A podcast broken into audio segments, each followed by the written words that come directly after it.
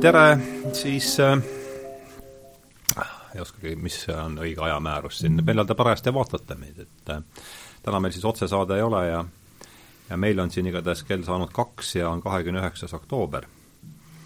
ja eetris on üheksakümne seitsmes tähenduse teejuhtide vestlusring, nii et on veel jäänud kolm, kolm saadet sajani. Mm.. Ja, ja täna nagu ikka, siis on stuudios peale minu kaks külalist tere tulemast, Jaak Ikas, tere tulemast, äh, Peeter Laurits! tere, tere.! et äh, mõlemad olete siis ju teist korda mul, eks ole, tähenduse teejuhtidel külas. täpselt. Äh, kui ma vaatasin järgi, kuuekümne kuuendas saates oli Peeter koos Asso Krulliga, pealkiri oli Kus on Sibiputini piir või Sibipudina piir vist peaks. Sibipudina. Sibipudina, eks jah, ma, ma olen äh, siin. no lõuna-eesti keelega on niimoodi ka, et äh, ta on väga variatiivne, igas äh,, igas külas on nagu mm -hmm. leksika natukene erineb, nii et äh, ma arvan, et mõlemat pidi on täitsa no pudina, pudin, pudina selles mõttes haakub ka põhja-eesti keelega selles mõttes, et äh, siis kus on, ma muudan selle ära, et kus on siis tsibipudina piir, oli oli kuuekümne kuuenda vestlusringi teema ja kes ei tea siis, et sibipudin on, sibiputin on on elementaarosake võru keeles. et see on selle juurde me jõuame veel. aga e, e, see saade, millest sa rääkisid, see oli ka see põhjus, et, et miks ma, miks mul ülim hea meel Peetrit siin täna mm. näha on, sest minu jaoks sealt jäid noh aga sa kuulasid seda saadet, jah? ma kuulasin seda saadet, ma kuulasin selle saate hoolikalt ära algusest lõpuni mm.. näed. vot, vot kui huvitav. ja, ja siis Jaak oli üheksakümne teises saates koos Mihkel Kunnusega ja saate nimi oli siis Otsatu potentsiaal, sai selleks sai pealkirjaks ja ja juttu oli, Boomi eesnimi oli David, eks? David, David, David Bohm, äh, siis äh, Ameerika kvantfüüsik, niisugune ka Ketseri, pigem niisuguse ketserlike kalduvustega. ja noh, see oli, see oli ka väga huvitav vestlus, aga noh, Jaak, eks sa ise tead, et kui kui raske on äh, rääkida mittefüüsikul, isegi küsimusi küsida mittefüüsikul kvant, kvantfüüsikast, aga aga kuidagi me saime hakkama ja midagi mulle jäi sealt sellest vestlusringist meelde ja mul on väga, väga, väga hea meel, et te mõlemad olete täna saates siin. aga füüsikutel enestelgi lihtsam ei ole tegelikult neid oma asju. see natukene muidugi äh, lohutab. küll. ahah, ma tahan siin nii, ja täna me oleme siis tulnud kokku selleks siia, et rääkida välja mõistest. et mis tuu om.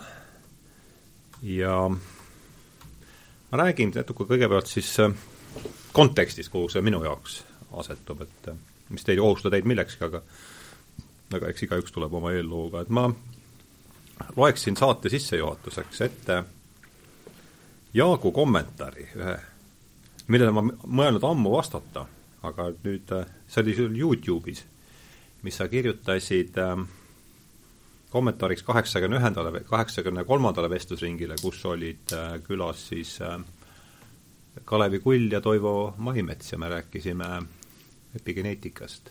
Bioloogia armuke oli selle saate pealkiri ja ja Jaak kirjutas siis sinna alla järgmiselt. kuulasin huviga ja ootasin põnevusega, kas visatakse lauale üks nimi, keda Edmund Burke'i selts viimasel ajal õige mitmes saates promonud on. Rupert Sheldrake. ega ma häid kolleege, biolooge sellises patus ei julenudki kahtlustada, aga mõtlesin, et ehk Ardo provotseerib, sest märksõnad, vormid ja kus need kirjas on, elujõud, vitalism, dualism, lisaväli ja teised, on pea otsesõnalised viited. et äh, no teid kumbagi Sheldrake'i nimi vaevalt nüüd provotseerib, et me sinuga oleme olnud ühel koonduselgi koos, küll virtuaalsel Peetri, Peetri teema, noh, Peetriga me rääkisime otseselt äh, selles kuuekümne kuuendas saates, eks oli ju uh, mis see oli, see oli saate, teemaks oli see Presence of the Past, eks? Presence of the Past ja jah, põhimõtteliselt kogu, kogu jutt meil ju Sheldrake'i ümber keerleski suuresti ja ma mõtlesin, kuidas selle Jaagu kommentaarile vastata, ja mul muidugi täiesti õigus, et noh, kuivõrd parafraseerides siin kuulsat sellist ütlust filosoofia ajaloost, et mind äratas Sheldrake dogmaatilisest unest, et et seetõttu peaaegu enam-vähem kõik asjad, mis ma siin saates olen teinud, on, no mitte kõik muidugi, aga suur osa eriti, mis teadusteemadest, on kõik mingil määral sealt pärit, sest on lihtsalt minu jaoks olnud äh, noh, tema mõtted on üldse mul huvi tekitanud nende asjade vastu, nii et seetõttu peaaegu kõik, mis ma siin teen, on kuidagi olnud sealt ähm, tingitud. ja siis see kontekst on nüüd nagu järgmine, äh, et kus ma selle, selle väljamõiste tooks, on see, et ük-, ma vaatan siin seda ühe tema loengu konspekti, loeng kandis pealkirja mm, Looduse taassünd ja ta alustas pihta huvitavalt sellega Aristotelesega. Äh, siis Aristoteles nelja põhjusega ja, ja just sellega, et, et Aristotelese filosoofias on väli ja hing, jällegi väga lihtsustatud, väli ja hing mingis mõttes noh, põhimõtteliselt ju Aristotelest helistab Platonist, eks ole, see, et vormid äh,, olgu need siis hinged või nad, kuidas me seda on, on mitte sealpoolsuses, vaid, vaid siinpoolsuses nii nagu mina sellest aru saan. Ja ja jah, siin üks lause jah, mis mul jäi ka alguses, et hing keskaegses filosoofias ei olnud mingi, oli osa see, sellest, kuidas loodus on organiseeritud, mitte see, et on mingi niisugune müst-, müst-, kuidagi müstiline osa siis sealpoolsusest või hingede päev ja noh, selle, selles mõttes on see veidi teine tähendus, eks esivanemate hinged kuskil, tont teab kus, kas Aristotelesel on, jällegi siin, nagu mina sellest aru saan, on Aristotelesel on hing see, mis on see vorm, mis hoiab mateeriat sellisena koos, nagu me teda tajume, vähemasti nii ma saan sellest aru. ja siis põhimõtteliselt ja, ei hakka pikalt minema, aga ütles, et on kolm suurt suundumust looduse taashingestamisel, reanimation of nature oli siis see ja siit ma nüüd lõpetan oma sissejuhatuse, et rääkis siis kolmest suurest suundumusest looduse taashingestamisel, esimene on väljakontsepti areng, teine suundumusest psühholoogias ja kolmas siis revolutsioon teoloogias oli see, mis, mis ta selles loengus tõi välja ja ja tahaks nad kõik läbi käia ja täna oleme seda siis, noh, veel kord, see oli minu jaoks, kus, mis on selle tänase vestluse kont-, veel tänase vestluse kontekst minu jaoks ja ma loen siis ette siit kaks lõiku veel, mis mul on kirja, kirja pandud selle väljakontsepti arengu alla. elekter ja magnetism ja võib vastu, noh, kutsungi teid vastu vaidlema, täpsustama, äh, ühesõnaga selgust looma. et elekter ja magnetism pole mehhanitsistlikku skeemi kunagi sobitanud. tuhande kaheksasaja neljakümnendatel aastatel ütles Michael Faraday, et väli on mõjupiirkond tuhande kaheksasaja kuuekümnendatel aastatel selgitas James Clerk Maxwell välja fenomeni ülipeene mateeria eetri abil. tuhande üheksasaja viiendal aastal näitas Albert Einstein, et Einstein, et eetrit ei ole ning et väli on teatud viisil struktureeritud ruum. Fields are modifications of space. Sheldrake'i sõnul on idee hingest seega välja näol uuesti teadusesse tagasi tulnud meenutagem siinkohal, et Aristoteles pidas hinge osaks looduse sisestruktuurist. ja nüüd viimane lõik siit. kvantmehaanilise revolutsiooni käigus avastati uued väljad, samal ajal kui evolutsioonilised bioloogid püüsid, püüdsid avastada vormivaid välju. tuhande üheksasaja kuuekümnendate aastate kosmoloogiline revolutsioon tekitas mehhanitsistlikule ilmavaatele uusi probleeme. pärast seda, kui tuhande üheksasaja kuuekümne kuuendal aastal sai suure paugu teooriast uus ortodoksia, kinnistus arusaam, mille kohaselt on kogu kosmos haaratud evolutsioonilisse protsessi. suure paugu mudel on põhimõtteliselt paljudest mütoloogiatest tuntud kosmilise muna mudel, ütles Sheldrake. selles kontekstis tuli jutuks veel ka James Lovelocki Gaia hüpotees. et sellega ma olen nüüd oma tavapärasest pikema sissejuhatuse lõpetanud, et annaks kohe siit kindlasti noh, siin on nagu haakimiseks, haakimiseks kohti küll vast. jah, Michael Faraday oli muidugi see mees, kes äh, väljamõiste ja kontseptsiooni füüsikasse sisse tõi. see, et asjad üksteist noh, kaugusest mõjutada võivad, no see oli juba Newtonilgi ülemaailmne gravitatsiooniseadus, eks ole, aga, aga selle üle, et mis seda mõju nagu, nagu vahendab, võib-olla nii väga ei, ei, ei, aga siis äh, siis jah, juba seal üheksateistkümnendal sajandil, kui tulid kõik need Örstedi katsed ja, ja, ja mm, siis tähendab, füüsikutele mingis mõttes see kaugmõju kui kontseptsioon väga nagu ei meeldi. selles mõttes, et, et seal on mingisugune asi ja kusagil on üks teine asi ja siis arusaamatul kombel üks asi sealt kaugelt teist asja mõjutab. Ja nemad tahaksid, et, et seal vahel on mingisugune meedium, mida kaudu see mõju nagu toimib või, või kulgeb. ja see meedium on siis äh, väli äh,. antud konkreetsetes näidetes elektromagnetiline väli et, et et see väli muidugi ainest üks selline eriline või, või teistsugune moodustis on, tähendab noh, need olid juba, juba mm, vanadel kreeklastel, tähendab Taalest see, et, et magnetid tõmbavad rauda ja oli tal no vot, mõnel juhul, mõnel juhul lükkavad ka mm. -hmm. Taales ütles selle asja kohta, et, et, et sellel magnetil tal peab ikka elu või hing sees olema, kui ta sedasi rauda nagu suudab, suudab mõjutada. ja Gilbert oli sama meelt sisuliselt, eks ole? jah, tähendab see noh, sest ega see, ega neid, neid situatsioone, kus me otse näeme niimoodi, et, et üks keha distantsilt teist mõjutab, ega neid väga palju ei ole noh, ütled, maa tõmbab kõiki asju enda poole, aga see on nüüd hiline Newtoni teadmine. teisipidi, see on ju, see on ju loomulik, et asjad alla kukuvad. kukuvad no, maha lihtsalt. siis veel peaksid kukkuma, ega see ometigi mitte üles, tähendab, siis oleks hoopis, hoopis põrgu lahti. ja, ja, ja siis on veel, veel, veel, siis on tõepoolest see, see magnetite efekt ja üks, üks teine efekt, efekt veel, mida noh, ka, ka tavaelus saab tähendada mida üks, üks lihtne katse, mida meie Peetriga enam hästi teha ei saa, ähm, Hardo võib-olla läbi raskuste saab. nii, väga huvitav. on see kammiga läbi juuste, eks ole, ja siis see kamm hakkab neid, neid väikeseid paberi mul on mõningane eelis, ajut-, ajutine. ebemeid külge tõmbama. no meie võime näiteks kassi kasutada äh, abivahendina. seminari preparaadina. jah nagu luuletaja ütles, ei Sillamäel, ei Narvas, ei musta kassi karvas. mis asi, kuidas see käis? ei Sillamäel, ei Narvas, ei musta kassi karvas. ma olen ära unustanud, kes see luuletaja oli, eks ole. ei Sillamäel, ei Narvas. ei Sillamäel, ei Narvas, see on see elektri lõppemisest, tähendab, et meil see hirmus pinge kaoks meie elust, nagu ei elektrist enam kuskil. ei Sillamäel, ei Narvas, ei musta kassi karvas. selle paneme ka kirja. nii kus meil see eh, põhiteema nüüd jäi?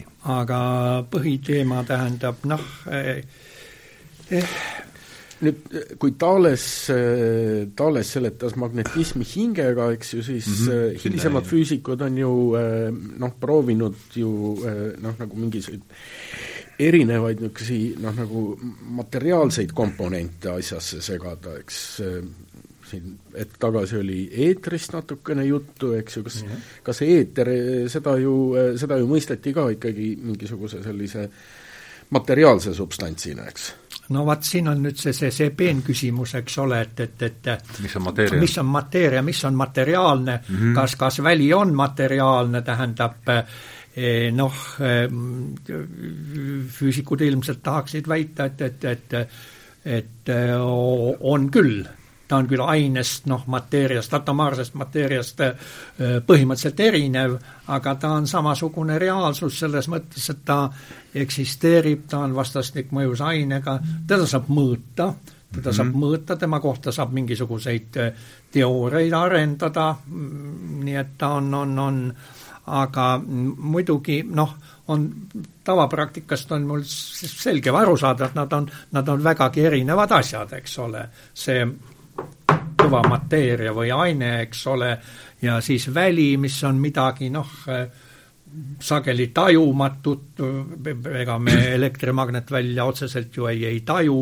et, et, et, et ja muidugi kvantmehaanika siin, kui ta tuli, lõi nagu kaardid, kaardid segamini, kuna ta ütles, et, et, et, et kõik osakesed on ka väljad või neil on teatud laineomadused, mis mhm. väljadele omadused.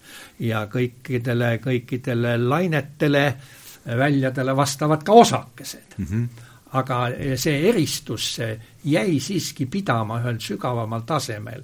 see on see, et, et, et no vot, siin on see tabel, eks ole, kus on tänapäeva, tänapäeva teadmine ainest, väljadest, mateeriast, osakestest, osakeste standardmudel. on nad ühesugused pildid? Nad on ühesugused pildid, jah mm. -hmm.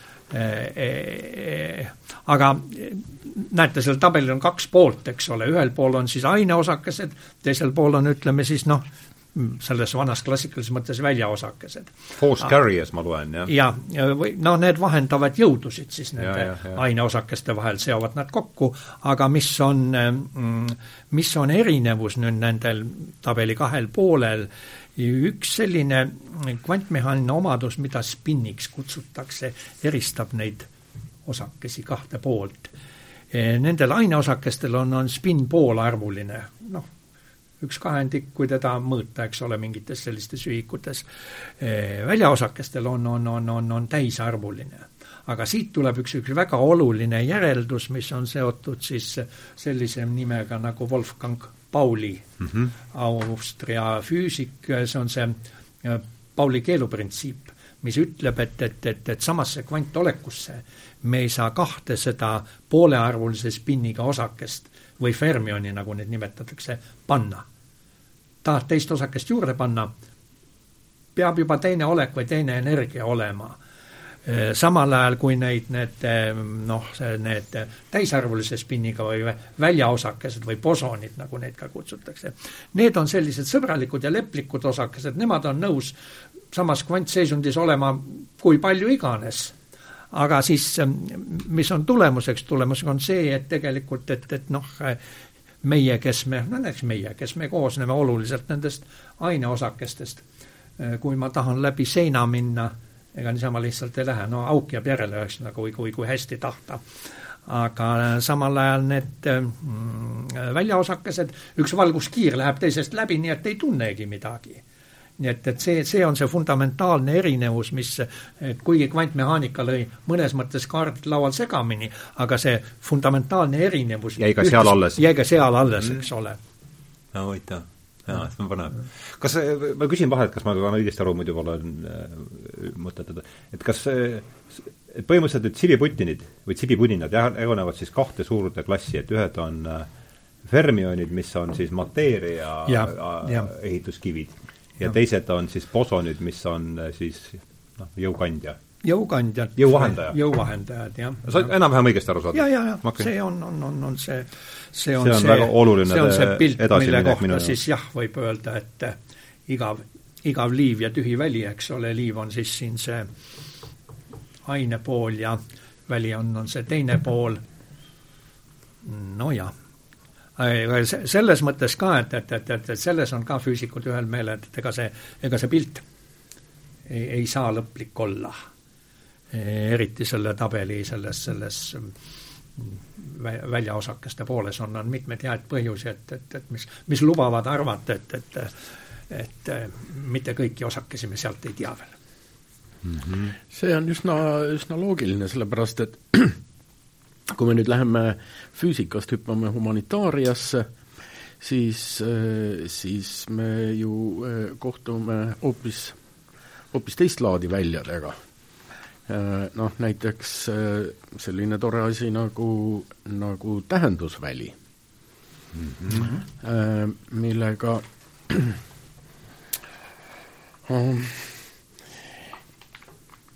millega on ju tegelikult samamoodi üsna, üsna raske opereerida, ehm, sellega, sellega tegelevad nii, nii lingvistid kui, kui semiootikud, kui ütleme, kunstiteadlased ja tal on, tal on nagu see ebamugav omadus, et ta ei taha kuidagimoodi olla objektiivne.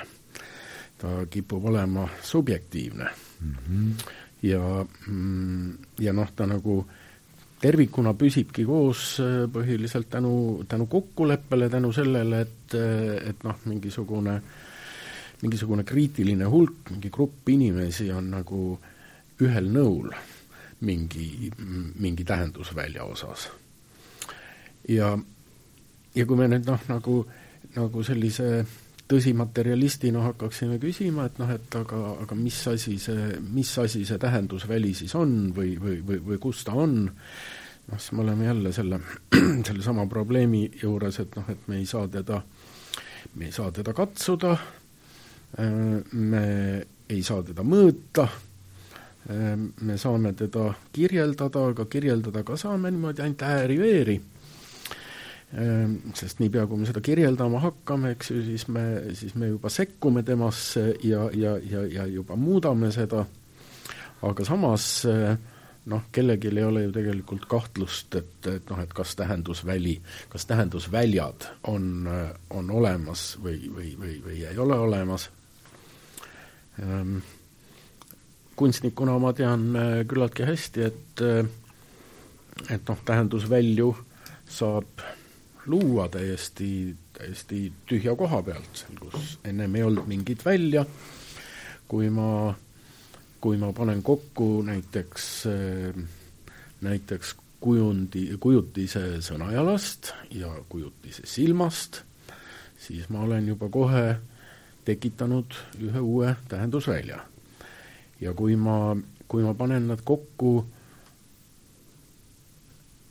niimoodi, imiteerides äh, sellist keskajal levinud kujundit ja, ja, ja muutes seda sõnajalga natukene rohkem tiivakujuliseks ja, ja, ja, ja siis tikin ta äh, silmi täis, siis ma, siis ma sekkun ühte, ühte keskaegsesse tähendusvälja, eks ju, kus äh, noh, nagu selle, sellise ikonograafia abil kujutati ingleid mm -hmm. ja, ja, ja kui nüüd äh, ja kui nüüd keegi teine, eks ju, äh, võtab, äh, võtab ka äh, selle sõnajala ja võtab selle silma ja paneb need kuidagimoodi kokku, eks ju, siis ta, siis ta nüüd omakorda, omakorda sekkub sellesse, sellesse minu algsesse tähendusvälja ja tekitab uue tähendusvälja ja, ja, ja, ja laiendab neid eelmisi, et tegelikult noh, humanitaarias ja ma kahtlustan, et füüsikas on vist sama lugu,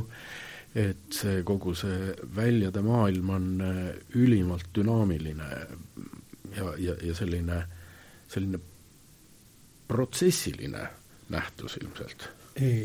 jah, väljavõlu tähendab, ma saan aru, nii, nii, nii sinu näites kui ka füüsikas seisneb ju selles, et ta on äh, ta on väga plastiline või deformeeritav või muundatav või, või muudetav või, või sujuv või voolav või erinevalt siis sellisest eh, jäigast mateeriast.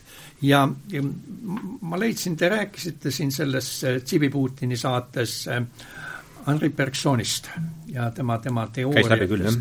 ja ma leidsin ühe kirjutise kolmekümne kaheksanda aasta akadeemiast Alfred Corti sulest Henri Bergsoni loova evolutsiooni filosoofia, ehm, e, e, kus ta kirjutab, ent lakkamatu muutuvusega kui hingelise tegelikkusega hingelikus, hingelise tegelikkuse esimese tunnusega kõrval tuleb pidada veel tähtsamaks teist tunnut, hingeliste olukordade vastastikust läbitungimist. välismaailma esemed, milliseid käsitleme eeskätt ruumiliselt, näivad meile üksteisest eraldatud asjadena mm. -hmm. on raske kujutada, et üks ja sama asi on samal ajal seal, kus on teine asi mm. -hmm. esemed näivad asetsevana üksteise kõrval, nad on läbitungimatud. Nad näit-, näivad meile üksteisest eraldatuna ja üksteisele läbitungimatuna ja seetõttu on nad ka arvuliselt loendatavad mm. -hmm seevastu hingelises tegelikkuses pole olukordi, mis asetseksid üksteise kõrval kõik nad on lahutamatus, lahutamatu solidaarsus ja vastastikuse penetratsiooni läbi, läbitungimise vahekorras. no vot, need on täpselt meie väljad. mitte, mitte aine, aga, aga, aga need asjad, mis siinpool on, neil on kõik need omadused olemas. jah, kuule, aga see on, eh, kui ma siin kuulasin praegu, siis tundus et hingelised olukorrad on siis ju nagu valguskiired, eks, mis sa enne rääkisid, et need lähevad üksteisesse ja, kõik, nojah, kui nad ja, on väljad, eks ole, siis ja. päris hea hingeline olukord, see on huvitav. noh, see on see on see väljade korral, see on see niinimetatud superpositsiooni printsiip, eks ole, et sa võid kaks välja kokku panna ja saad uue välja ja see on jälle õige korralik, korralik väli, eks ole. aga samal ajal, kui, kui, kui noh, kahte keha niimoodi kokku ju ei pane, sealt tulevad mõned päris konkreetsed piirangud välja, näiteks et, et ainete tihedused maistes tingimustes ei saa olla mitte suuremad kui mingi kakskümmend kaks koma neli, kakskümmend kaks koma viis eh, grammi kuupsentimeetri kohta. Need aatomid, mis on meile antud, eks ole, nad lihtsalt ei ole nõus tihedamalt kokku minema. ja, ja seetõttu noh, ei, ei, ei saa ei ussi ega püssirohuga, siis juba kuskil, kui sa võtad kosmilistes mastaapides gravitatsiooni appi, mm, siis saad neutro-, ma just, ma just mõtlesingi, et noh, et kuidas või, või, või näiteks kuidas musta auguga meil lood on. no must auk, must auk on omaette teema. ja see kosmiline muna, kus see siis kõik pihta hakkas, siis pidi, mis see tihedus siis, seal pidi olema tihedus siis lõpmatu, on see nii või? see, mis suure pauguga äh, no, laiali lendas? see on nüüd see Penrose'i teemad juba ja, ja need sing-, singulaarsused ja on nad siis või ei, ei ole, aga maistes tingimustes. Aga samal ajal tähendab, kui tuua kõrvale väljad, see asjaolu, et, et, et välja annab neid noh, osakesi või energiat kui tahes palju kokku ajada. Mm, -hmm. magnetväljadest rääkisime, no vot seesama väli, mis siin on, on, on on need kahte magnetit üksteise suhtes tõukab, on ülitugeva magnetväljaga kosmilised objektid, neutrontähed tegelikult, aga magnetarideks kutsutakse. seal on siis, ütleme, et kui siin on mingisugune magnetvälja tugevus, ütleme, on üks, seal on ta kümme astmel kümme. ja need on sellised väljad, et kuule, Einsteini järgi E võrdub MC ruut, eks ole.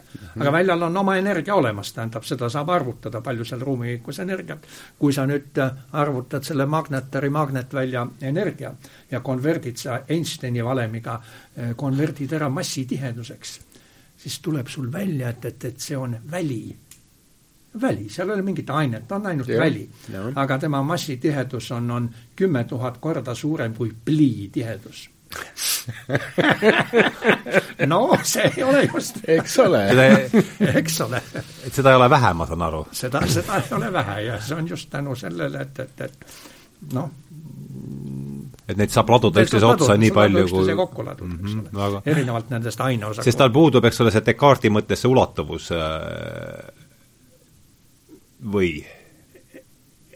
noh, tähendab ei, tal on ikka ulatuvus ka.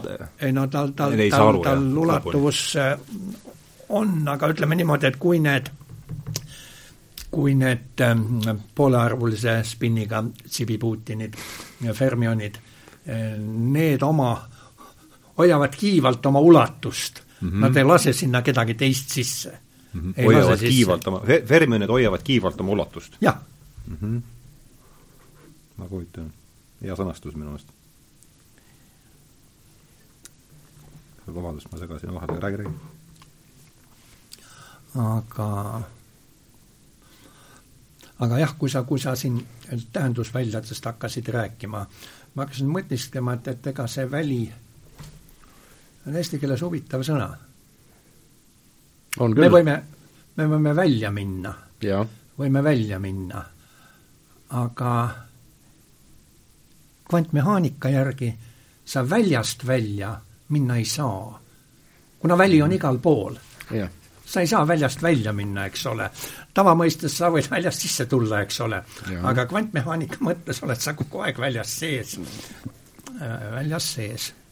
ja aga, aga teisipidi, ega meil siin, ega meil siin Eestis ju õiget välja kui sellist ei ole tegelikult, kui me noh, maastikku ja loodust nagu vaatame rohkem on metsad ja sood ja ta-ta-ta-ta, aga sellist õiget korralikku välja, no nagu naabrite juures, eks ole, kus eh, ratsutas väljal lagedal kangelane Ilja Muromets, ratsutas nädala, ratsutas teise ja tüki kolmandatki. siis alles kohtas Loheko Rõnitsit.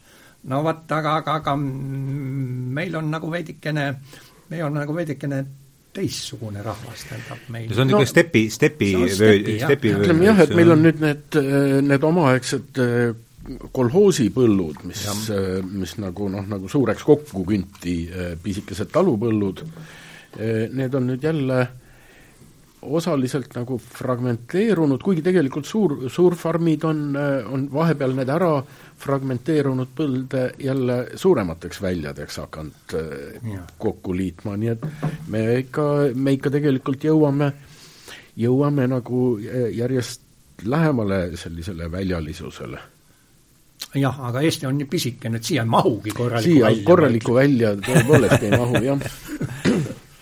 jah, jah, kui vaadata neid Ladina-Ameerika pampasid, ega seal on ju, ma ei kujuta ette, mis seal üks niisugune võib, mis selle ühe ula-, kas keegi on käinud seal välja peal niimoodi ei, mina ei ole käinud on, on sul, Jaak, mingi reaalne kogemus välja, välja peal ei ole, ei mul, ole. mul ei ole. ma olen, ma olen käinud, ma olen käinud Saharas. ja, ja, ja, ja koos, koos Indrek Kasela ja Karinaga me läbisime seal kaamelite seljas mingi noh, kuskil viiskümmend kuni sada kilomeetrit või midagi, midagi sellist ja, ja mis mind, mis mind seal Saharas üllatas, on see, et noh, tegelikult tegelikult kujutame ette kõrbe sellise noh, nagu väga, väga, väga sellise tasase ja ja, ja, ja ühtlase pinnana, sellise väljana mm. -hmm. aga tegelikkus on hoopis teistsugune, ta on vägagi, vägagi kortsusväli. Äh, väga suurte kõrguste vahedega ja, ja tegelikult kaameliga selle läbimine on, äh, on selline lõputu siksakitamine, sellepärast et sa noh, kõige otstarbekam on käia ainult mööda neid, äh, neid laineharju või nende düüni, düüniharju pidi. aga selle kortsulisuse annavadki siis düünid või on seal mingid muud veel? seal on põhiliselt on düünid, noh eks tegelikult kõrbeid on ju väga ja. mitmesuguseid ja, ja, ja, ja Saharast praegu, eks? aga praegu ma räägin just nimelt Äh, Saharast ma räägin, äh, räägin nagu Lääne-Sahara ühest väiksest nurgakesest, sellepärast et noh, Sahara ise on ka ju väga mm, -hmm. väga erinev, aga seal oli, äh, seal oli ka selliseid, selliseid mägesid, mille, liivamägesid, mille noh, kõrgust silma järgi ma pakuksin mingisugune vähemalt kakssada, kolmsada meetrit mis eh, noh, Eestis nii suuri pinnavorme näiteks ei ole üldse. väli lainetab. just nimelt, eh, ma sinna üritasingi äh, siin nihutada. aga olegi hea, kas sa soovid nüüd füüsika, et kuidas on väli ja laine omavahel uh, seotud? lainetest meil omaette saade olnud lausa. laine, laine noh, lainet, laineprotsess ja lainenähtusi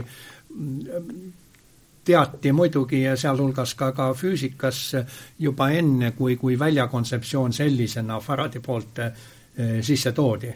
sest noh, mõned lained on ju väga nähtavad, mere peal on, on lained, eks ole mm, -hmm. ja ja ka see, et, et, et, et heli oli lained ja see oli, oli kõik, kõik nagu, nagu, nagu teada. see tuli juba Pythagoraste juurest või?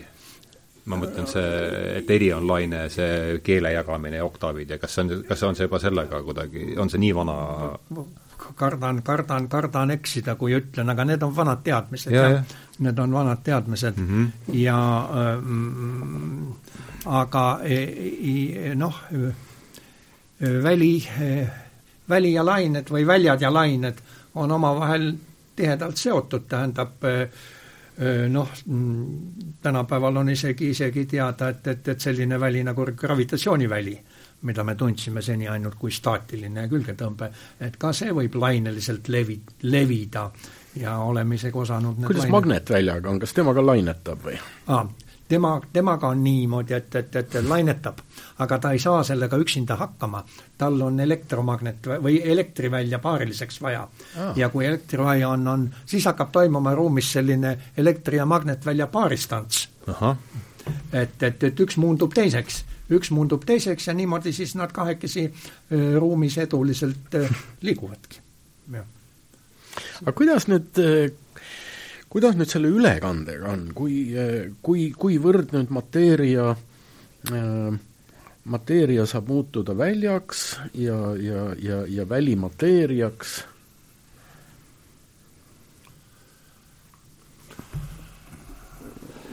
Noh äh,, vaat on, on, on siin on nüüd jälle, jälle need asjad, eks ole, et, et mis on mateeria ja väli, kui ma nad tõlgin mm -hmm. nüüd selle tabeli keelde ja ütlen, et mm -hmm. et mateeria on siis see vasak pool siin, eks ole, ja väli, väli on see parem pool, no siis üks, üks lihtne näide, kuidas, kuidas äh, kuidas mateeria võib, võib muutuda väljaks, eks ole, kui sul on, on noh, osake ja tema antiosakene, elektron ja positron näiteks, põrkuvad kokku, tulemusena annihilatsioon, tekib kaks valguskvanti kaks, kaks gamma, gamma, gamma kvanti, noh siis võib öelda, et, et, et aine, aine on nüüd muutunud äh,, muutunud väljaks äh,. Noh, vastupidine protsess on ka põhimõtteliselt äh,, põhimõtteliselt võimalik kui, kui, kui elektriväli läheb juba piisavalt tugevaks, noh, nad on kusagil laboratoorsete väljade piiri peal või veidike selle taga. Noh, ma ütlesin, et, et, et, et väljast ei saa kunagi välja minna, see tähendab, et et ka vaakumis, mida me nimetame klassiliselt, on tühi ruum, aga kvantmehaanika järgi seal pidevalt tekib ja kaob osakesi. Noh, nii, nii kiiresti, nii kiiresti, et, et, et määramatuse printsiip eh, lubab rikkuda sellise aja jooksul energiajäävuse seadust. Ja aga kui nüüd on niimoodi, et, et, et sul tekib siis see elektron ja positron ja selle aja jooksul sul on veel elektriväli ka seal peal. ja see väli on nii tugev, et see selle paari eksistentsi aja jooksul nad saavad nii palju energiat, et nad võivad lupsti sealt vaakumist välja tulla. Nendest saavad reaalsed osakesed see on üks, üks näide siis, kuidas, kuidas, kuidas väli võib, võib ainet põhimõtteliselt toota. tekitada. tekitada jah mm, -hmm. nii et mhm. need, need vastastikused muundumise, küll seal on omad reeglid ja jäävuse seadused ja mis kõik, kõik energia ja muude asjade, mis peavad olema jälgitud ja, ja tagatud, aga, aga põhimõtteliselt sellised muundumised on, on võimalikud küll, jah. mul on üks selline selline tore mäng, kui ma tahan endale, iseendale mõnu teha, eh, siis ma eh, siis ma vaatan eh, nähtavat maailma ja püüan visualiseerida seda footonite tuisku, mis noh, mis selle nagu minu meeltesse kokku toob. ja siis, kui ma, siis kui ma seda footonite tuisku omale visualiseerin või ette kujutan, siis ma kujutan seda ette ühtlasi taimede restoranina mm.. sellepärast, et äh, taimed on nüüd need, need eluvormid, kes, kes toituvad just nimelt footonitest. Äh, noh, olen sellegi peale mõelnud sa viitad kui... fotosünteesile ja sellele, eks ole? viitan fotosünteesile mm -hmm. täpselt, et, et noh, et ise isegi nagu selline, selline variant oleks ju väga, väga huvitav, kui meil nagu inimestena õnnestuks mingisugune sümbioos mingite, mingite vetikatega, kes äh, mingil põhjusel tahaksid, oleksid nõus meie nahas elama, eks ju, noh siis siis me võiksimegi nagu restorani arvete maksmise asemel äh, nagu visata ennast äh, rannas äh, küllili mõneks tunniks ja, ja, ja, ja olekski kõht täis. patarei täis. patarei täis, täpselt et, ähm, et, äh, et kas nüüd siin, ähm, kui me nüüd nendest taimedest ja fotosünteesist räägime, kas, kas see ei ole ka üks, ähm, üks variant, kuidas, kuidas nagu väli nagu mingisugune äh, uueks mateeriaks moondub?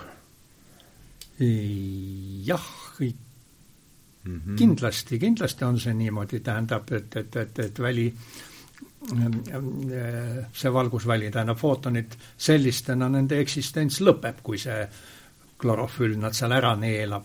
aga selle tagajärjeks on siis mingisugused teisenemised või muundumised selles aines, tähendab meil noh, tekivad seal uued, uued keemilised, keemilised ühendid ja ma vahest suhkrud, särklis. ma olen vahest meie eh, ühise armastuse fotograafiagi kohta öelnud, et fotograafia, see on valguse surm ja ülestõusmine. jaa mm,, see on väga ilus väga definitsioon, suurepärane, aplaus. Nõus. Väga, väga poeetiline. Mm. -hmm. jah, aga jah, see on täpselt nii, nagu, nagu, nagu nagu sa ütlesid, mis, mis seal fotosünteesis fotosünteesis see mm, äh, toimub. aga noh, meil on siin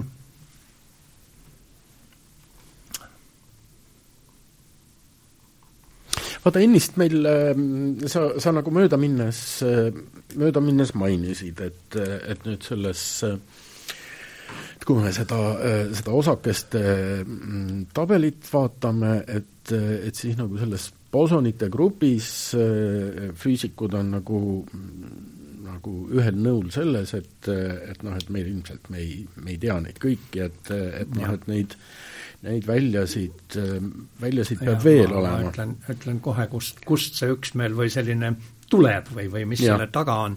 no ikkagi tume aine ja tume energia mm. -hmm. tähendab eh, ütleme niimoodi, et, et, et, et eh, neid osakesi me teame, mis siin tabelis on. me teame piisavalt hästi, teame nende omadusi, oskame neid mõõta ja, ja ükski nendest päriselt nagu ei sobi nende astronoomiliste vaatlustega, mis meile räägivad, et, et seal kusagil universumis peab olema mingisugune tume aine, mis mõjutab tähtede liikumist galaktikates ja, ja, ja võib-olla siis ka tume, tume energia, tume energia, mis põhjustab universumi kiirenevat paisumist. tume energia muideks on minu arust üks, üks füüsikute füüsikute suuremaid terminoloogilisi ämbreid mm. -hmm. miks? Sellepärast, et, et, et füüsikat muidugi, e-, energia mõistet kasutatakse küll, palju kasutatakse, aga energia on nagu asjade omadus, kvaliteet, mitte asi iseenesest mitte mm -hmm. mingisugune väli või, aga nüüd, kui me räägime tumedast energiast, no see on just täpselt üks väli, üks tundmatu väli, mis seal kuidagi toimetab ja selliseid noh eh,, eh esoteerilisi energiaid või energiavälju, nendest on palju räägitud, aga ka nendest on füüsikud kuidagi nagu distantseerunud. aga nüüd selle tumeda energiaga on nad ka sellesse ämbrisse sisse astunud.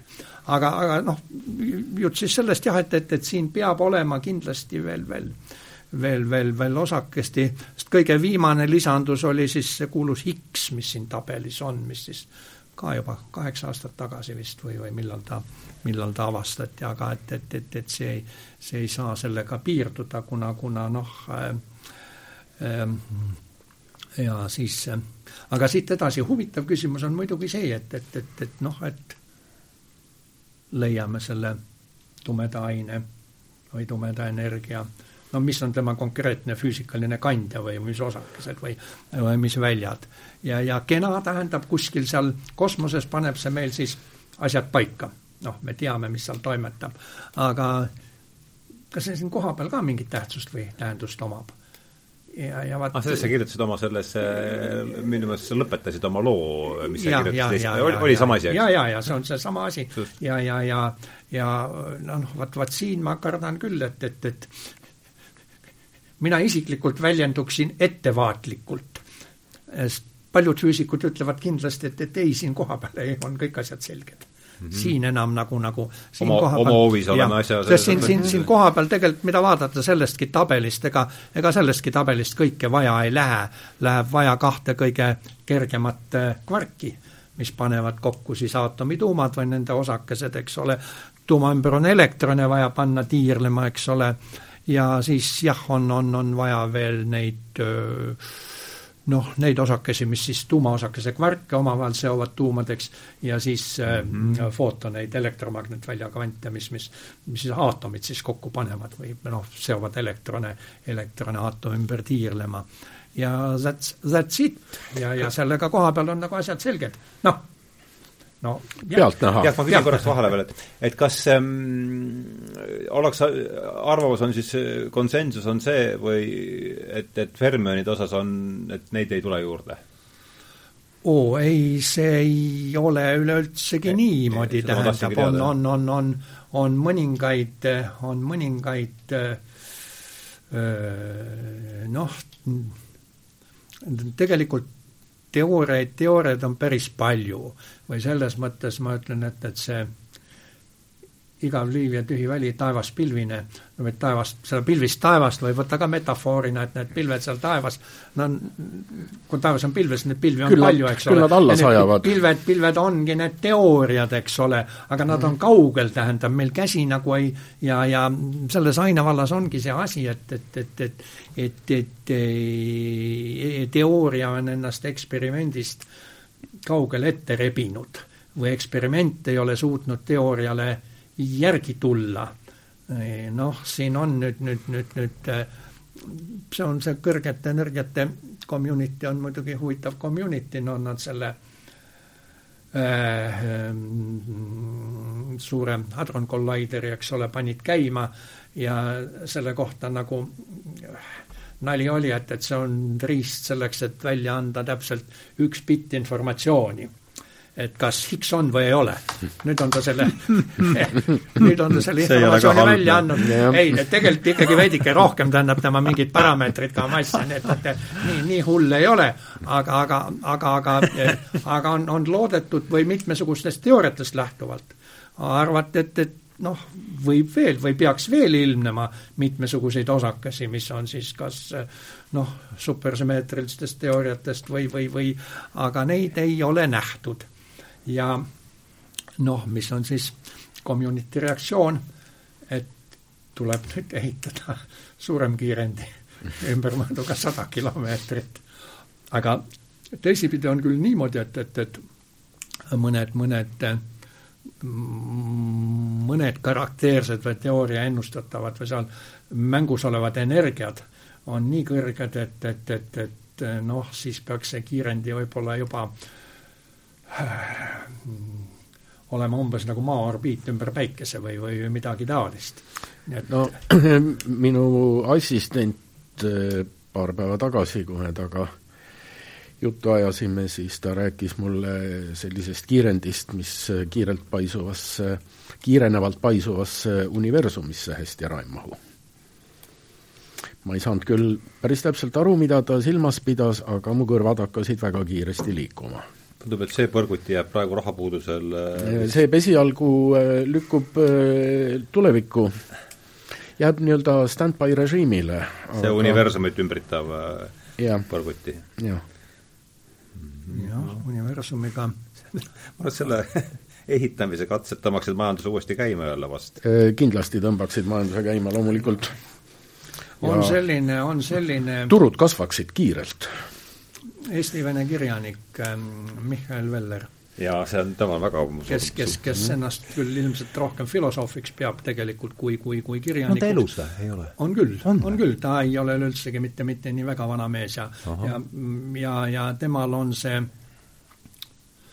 tema filosoofiline teooria või, või kuidas nimetus täpselt oli, aga seisneb selles, et, et, et, et, et, et noh, me arenedes inimeste tsivilisatsioon arenedes hakkab hõlvama ja, ja haldama ja, ja kasutama järjest suuremaid energiaressursse mm. -hmm. ja äh, lõppeesmärk on siis kunagi kogu universumi energia käpa alla saada ja korraldada siis üks uus suur pauk. et see oleks pauk, nagu mis ja, oleks ikka pauk. jah, jah ja.. see on muidugi inimkonnale, see on pööraselt roosiline perspektiiv, sest kujutate, kus me praegu oleme, eks ole. oi, kui palju me veel arenema peame, enne kui me nii kaugele jõuame, aga no kui see meie lõppeesmärk ja kohustus on, küllap me siis jõuame. siis tuleb, siis tuleb areneda, kahtlemata, jaa sina, Jaak, kindlasti, ma olen, ma, kas, kas võis olla niimoodi, et see, lihtsalt see paugutamise jutt tuli, et see tsaarbomba, mis nad seal Noves, oli see Noove Assemblee ajal toimus, see provokatsioon, et kas selle võimsus oli, suurusjärk oli tuhat korda suurem kui Hiroshima või? võimalik, kas see oli midagi sada, sada megatonni vist või minu meelest oli jah, mingi tuhandekordne, kui mitte vähemalt tuhandekordne vahe oli seal. nii et ega see paugutamise, mürtsusuutlikkus on juba no, praegu üsna niisugune. jah, see on tegelikult noh, tühine osa sellest, selle võrrelda perspektiivi energiast, mis seal, mis seal ära kasutatakse selle E võrdub MC ruudu järgi, eks ole, tähendab mm -hmm. seal rämpsu ja saasta on palju rohkem, kui, kui, kui see asjast kasu tähendab, noh, no lõppkokkuvõttes ta ei raputanud ju vist isegi Maa orbiiti. aga kardeti vist, eks ole või? märkimisväärselt noh. ja neid, neid kartusi on, tähendab, vaata on, on, on no Higgsi bosonigagi ju õige, äh, õige mitmesuguste, tähendab, selliste füüsika krutsiaalsete eksperimentide eel või, või on sellised hirmud käinud. kunagi tegelikult ka esimese eh, vesinikpommi katsetuste ajal oli kartus, et äkki kõik see maailma ookean võtab ka tuld takka mm. -hmm. no tugevusvaru oli küll, küll kõva, tähendab suuruse suurusjärk, eks ole, aga teisipidi noh, kaotus oleks ka korvamatu olnud, kui see oleks ookean põleb, see on halb uudis, noh.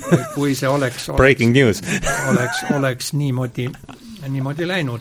ja hiljem ka, tähendab jah, siin oli, oli, et, et, et, et et tekib mingisuguste kiirendi eksperimentide käigus äh, niinimetatud äh, veider aine, tähendab aine, mis sisaldab vaat neid raskemaid kvarke. ja on üks, üks variant, et ta võib olla stabiilsem kui, kui äh, veider või veidrik aine, võib-olla stabiilsem kui, kui harilik aine. Ja kui see niimoodi on, siis see veidrik aine kokku puutudes hariliku ainega hakkab transformeerima seda harilikku ainet, tähendab nii, et kui kusagil selline väike känakas tekib, ta vajub kiiresti lupsti sinna maakera keskele kusagile ja hakkab siis kogu seda ülejäänud maakera nagu e, sisse imema. no e, Higgsi bosoniel jah, kartused, et teevad ühe väikese e, musta augu no isegi selline nali oli, oli käibel, tähendab, et, et, et, et iga kolmeteist koma kaheksa miljardi aasta tagant käivitavad füüsikud uue superkollaideri.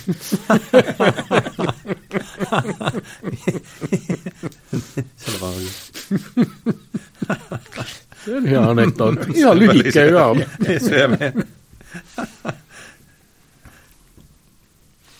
aga nüüd, kui tumeenergiast rääkida, siis mm, siis ega tegelikult sellises äh, humanitaarias ja, ja, ja siin meie nii-öelda maises tegelikkuses on minu meelest äh, sellele vasteid küll ja veel. Sellistele noh, seletamatutele väljalistele nähtustele, mille puhul me ei näe seda, ei näe seda kandjat, ei näe seda kanalit, noh kas või nüüd ütleme, inimtsivilisatsioonis me ju, me ju teame ammuilma, me, me märkame seda, et et noh, näiteks mingisugused, mingisugused mõtted on õhus. mingisugused teemad on õhus. noh, mida annab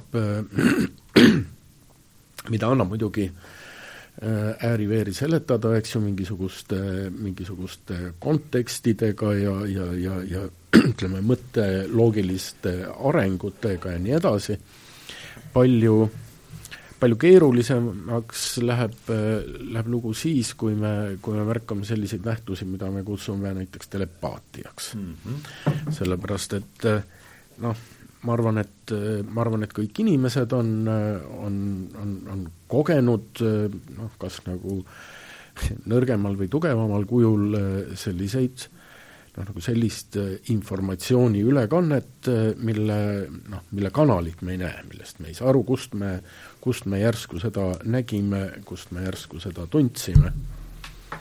ja kuna meil siin äh, jutuajamise alguses äh, Sheldrake'i nimi kord juba läbi käis, siis äh, äh, see Sheldrake on ju kirjeldanud väga paljusid selliseid, selliseid nähtuseid looduses, nii, nii, nii eluslooduses kui ka, kui ka noh, meie jaoks mitteeluses looduses, ütleme kristallides, kivimites, kus, kus me nagu kogeme täiesti, äh, täiesti selgelt äh, nagu sellise kommunikatsiooniakti olemasolu, aga, aga me ei näe, mismoodi see kommunikatsioon äh, aset leiab, me ei näe seda koodi.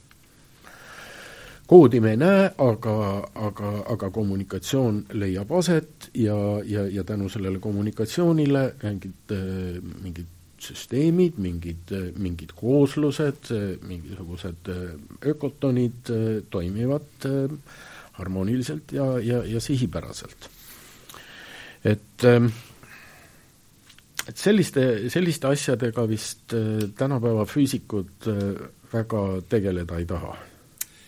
Jah, see on, on huvitav teema ots, mille sa nüüd üles võtsid. Ja see on ka äh, põhjus, miks Selderek tuleriidale saata, tähendab küll mitte tema enda, vaid tema raamatud, eks ole, ja ja, ja seegi tingimuslikult või küsimärgiga, aga on, on, on, on tõepoolest niimoodi, et kuskil aastat võib-olla kaheksa tagasi või, või, või kusagil mul see viide ka olemas, seesama Nature -hmm. avaldas ühe, ühe füüsiku sellise mõtteartikli, et, et mm., et, et, et kogu selle noh, maailma taust või et see ongi vaimne tegelikult. tema lähe või, või, või kõik on see, seda vaimne ja no problems, see avaldati ära, tähendab niimoodi ilmus, eks ole, keegi ei tahtnud teda tuleriidale saata, aga eh, miks Seldrik Sheldrake tähendab, tema ju, ta sihtis vägagi konkreetseid või meil siin ümbruskonnas toimivaid protsesse, nähtusi, eks ole, ja küsis nende puhul, et, et, et, et aga kuulge, et, et, et seal äkki noh, on, on, on, on midagi, midagi taolist, tähendab. nüüd ega ei ole, ega füüsikud ei taha väga uurida küll selliseid asju, sellepärast et, et, et, et noh, nad ei ole nad ei ole ei rentaablid ega ka dissertaablid. ja viimane on võib-olla, võib-olla eriti hull, tähendab noh, sa ei, ei saa ju, ju noorele inimesele panna mingisugust sellist teeotsa ette, kus sa tead, et, et, et noh, tekivad väga suured raskused tal. töö leidmisega? noh, töö leidmisega ja ku-, kuidas, vaatame, kas mul on, on, on, on kusagil on, on, on ahaa, selline, selline mees nagu eh, Dean Radin kirjutanud mm -hmm. raamatu Real Magic, Ancient Wisdom, Modern Science and a Guide to the Secret Power of the eh, Universe. ja tema kirjutab seal noh, mitmeid asju, aga kirjutab, et, et kõige õnnetumad inimesed on maailmas on need, need nooremteadurid või, või selle akadeemiline astmes, et Eh, alus, aluspulgal, sest neil on keelatud avalikult naerda, nalju visata, isegi silmsidet tekitada, tähendab selliste persoonidega või, või, või noh, teemade, kus on kahtlus, et, et see on midagi, et, et sellega nad tõmbaksid oma akadeemilisele karjäärile kohe kriipsu peale. E, ja noh, siis e, tegelikult, kui, kui tuua kohapealseid näiteid Tartu, Tartu Ülikoolis on kaitstud kolm tasemetööd, kus teemaks on olnud eh, nõiavits. nõiavits nüüd on, on, on kas see tasemetööd on siis bakalaureus, magister? bakalaureus, kõik, kõik need, eks ole, tähendab mm, -hmm. kaks olid bakatööd, ma ei hakka nimesid nimetama, tähendab, aga, aga teemad, üks oli maavarade otsingu biofüüsikalisest meetodist, selle kasutamisest võhma polümetaalse maagistumise piirkonnas. ja see oli siis geoloogiaalane, vaatame, mis, seitsekümmend üheksa kaitstud ja teine äh, nõrkade loodusliku päritoluga väljade mõjust rasvatihase pesitsus- ja ööbimispaiga valikule ning mesilaste meetoodangule. see oli zooloogiaalane lõputöö kuidas läks, noh, nad on, nad on kaitstud töötajad. kõik on kaitstud, jah. ja aga, aga -hmm. kuidas läks geoloogia kaitsmine, ma ei tea, zooloogias oli küll üle kivide ja kändud, nad peaaegu oleksid tahtnud ikka poisile, poisile mitte anda seda diplomit, aga sellel, selles temaatikas on kaitstud ka üks doktoritöö. ja edukalt kaitstud üks doktoritöö, aga milles on siin uba? see on folkloristika erialal no,. vaata ja on, on, on niimoodi, et kui mm, -hmm. kui sa, kui sa asja ennast uurida ei saa, aga seda, mida rahvas asjast arvab, seda saad sa küll uurida ja, ja väga edukalt. see on juba teadus see on teadus, eks ole, neid kõiki seda, seda saab uurida no see on see on päris ilus paradoks. mõneti, mõneti, mõneti meenutab see seda või, või noh, mingit lähenemist, et, et räägiti, et keskajal tähendab, pruugiti ka ketserilike õpetuste levitamiseks sellist moodust, et, et ei mitte õpetust või sellist, vaid tema kriitikat.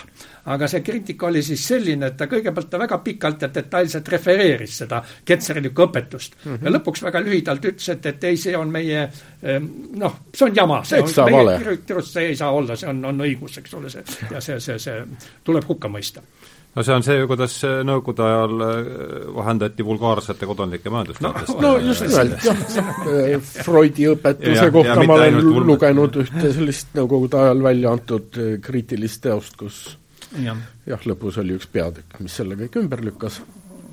aga hmm, jah, no telepaatia oli siis jah, see teema? Äh, no telepaatia jah, telepaatia telepaatia kohta on, on kunagi kusagil Einsteingi öelnud või, või kirjutanud, et, et meie see oli küll mõnda aega tagasi juba, et, et, et meie praeguste teadmiste taseme juures nagu me ei saaks päriselt välistada sellist võimalust või, või asja või, või sellise mm, objektiivse fenomeni mm, olemasolu. aga noh, veel, veel kord Krõlovi järgi, et aga ma hakkasin, ma võtsin kinni selle, mis ähm, sa, Jaak, siin tsiteerisid, see mulle hästi meeldis, see ähm, Koortolis, eks ole, kes ja, äh, ja, ja, ja. kasutas sellist sõnaühendit nagu hingelised olukorrad. et see telepaatia on, eks ole, siis ju kui sa sellest saad kinni võtta, sellest niidiossast, et see on siis nagu hingeliste olukordade kaug, kaugmõju või? hingeliste olukordade kaugmõju, see on, ma olen sellega väga, väga hästi nõus, sellepärast et no kui ma mõtlen näiteks enda puhul eh,, enda puhul aset leidnud selliseid telepaatilisi eh, kogemusi, siis eh, jah, need on mul aset leidnud alati just nimelt noh, mingisuguses sellises hingelise ergastatuse olukorras näiteks pärast äh, pärast malevas käiku, kus, äh, kus sai armutud ühte tütarlapsesse, mis äh, ju loomulikult käivitab meis hästi palju erinevaid hormoone ja neurotransmittereid ja, ja, ja mine tea veel, mis asju, oli nagu väga lihtne, minu nooruspõlves ei olnud äh, mingisuguseid mobiiltelefone, isegi, isegi harilike telefonidega mm, ei teinud kaugeltki mitte kõik inimesed igapäevast tutvust. Äh, sellegipoolest, äh, kui oli tarvis, kui oli tarvis mõne tütarlapsega kokku saada, siis selleks tuli minna lihtsalt, lihtsalt mingisse kohta. oli, oli, oli tunne, et et, et ma lähen äkki, ma lähen äkki intsikurmule ja, ja ise väga täpselt ei teadnud, miks sa sinna intsikurmule läksid, aga siis, kui sa selle tüdrukuga seal kokku said, siis oli selge, et muidugi ma läksin ju selleks, tulin siia äh, intsikurmule, et temaga kokku saada. ja, ja üks huvitav ilming veel, mis ma olen, äh, mis ma olen märganud, on see, et vot meie, meie need niisugused tehnoloogilised abivahendid, need on ju tihtipeale mitte midagi muud kui meie enda, meie enda võimete sellised proteesid mm. -hmm. ja ja mida rohkem me seda, seda proteesi kasutame, seda, seda nõrgemaks jääb meil see, see enda isiklik võime ja ja noh, selle, selle telepaatiaga, seda võib muidugi seletada mitmeti seda võib seletada ka minu vananemisega. Et ma vananedes äh, olen kuidagi äh, muutunud äh, tömbimaks ja tundetumaks, aga tegelikult ma siiski ise kahtlustan, et tegemist ei ole mitte niivõrd mu vananemisega, sest ega ma nüüd ega ma nüüd kakskümmend aastat või, või rohkem, ütleme kolmkümmend aastat tagasi veel nagu nii väga vana ei olnudki, kui ma hakkasin mobiiltelefoni kasutama.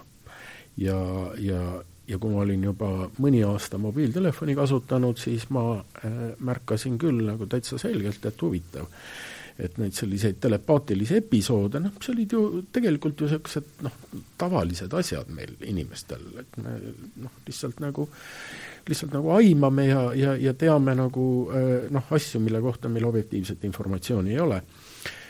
Aga, aga sel, sellega seoses, nagu ma hakkasin mobiiltelefoni kasutama, siis selliste episoodide hulk kahanes nagu väga järsult mm. -hmm. päris huvitav oleks, kas teie äkki olete oma puhul ka midagi sellist kogenud või? raske öelda, tähendab, ma tahtsin rääkida, et veel üks põhjus, eh, miks selliseid asju on võib-olla raske või, või keeruline uurida või miks, miks füüsikud nagu ei, ei taha, ma tea ainult füüsikud, mõned teised ka, ei taha väga tegeleda nende asjadega eh, selle kõrval, et, et, et, et raha ei anta ja karjääri ei saa sa selle najal ehitada. et üks on võib-olla sellise näite najal me rääkisime sellest kammi eksperimendist, eks ole. Seda, selle taga on tegelikult staatilise elektri nähtus ja seal on üks väga konkreetne eh, seadus, see on Coulombi seadus, mis ütleb, et, et, et kui sul on üks laeng siin ja teine seal ja nende vahemaa on selline, siis nende vahel mõjub selline jõud. väga täpne füüsikaseadus, eks ole noh, aga nüüd ma püstitan probleemi niimoodi, et, et, et, et oletame, et, et ma ei, ei, sa ei tea sellest mitte midagi. Ainult, et, et, et sulle antakse kätte see kamm ja need paberitükid ja ole lahke, tuleta mulle see seadus, palun. sa saad teha siin kohapeal seda katset, eks ole, ta midagi, midagi nagu toimub, liigub, aga ma väga kardan, et sa sealt selle konkreetse Eh, kvantitatiivse seaduseni küll välja ei jõua. ja see on lihtsalt see situatsioon, et, et see on ebapuhas katsesituatsioon.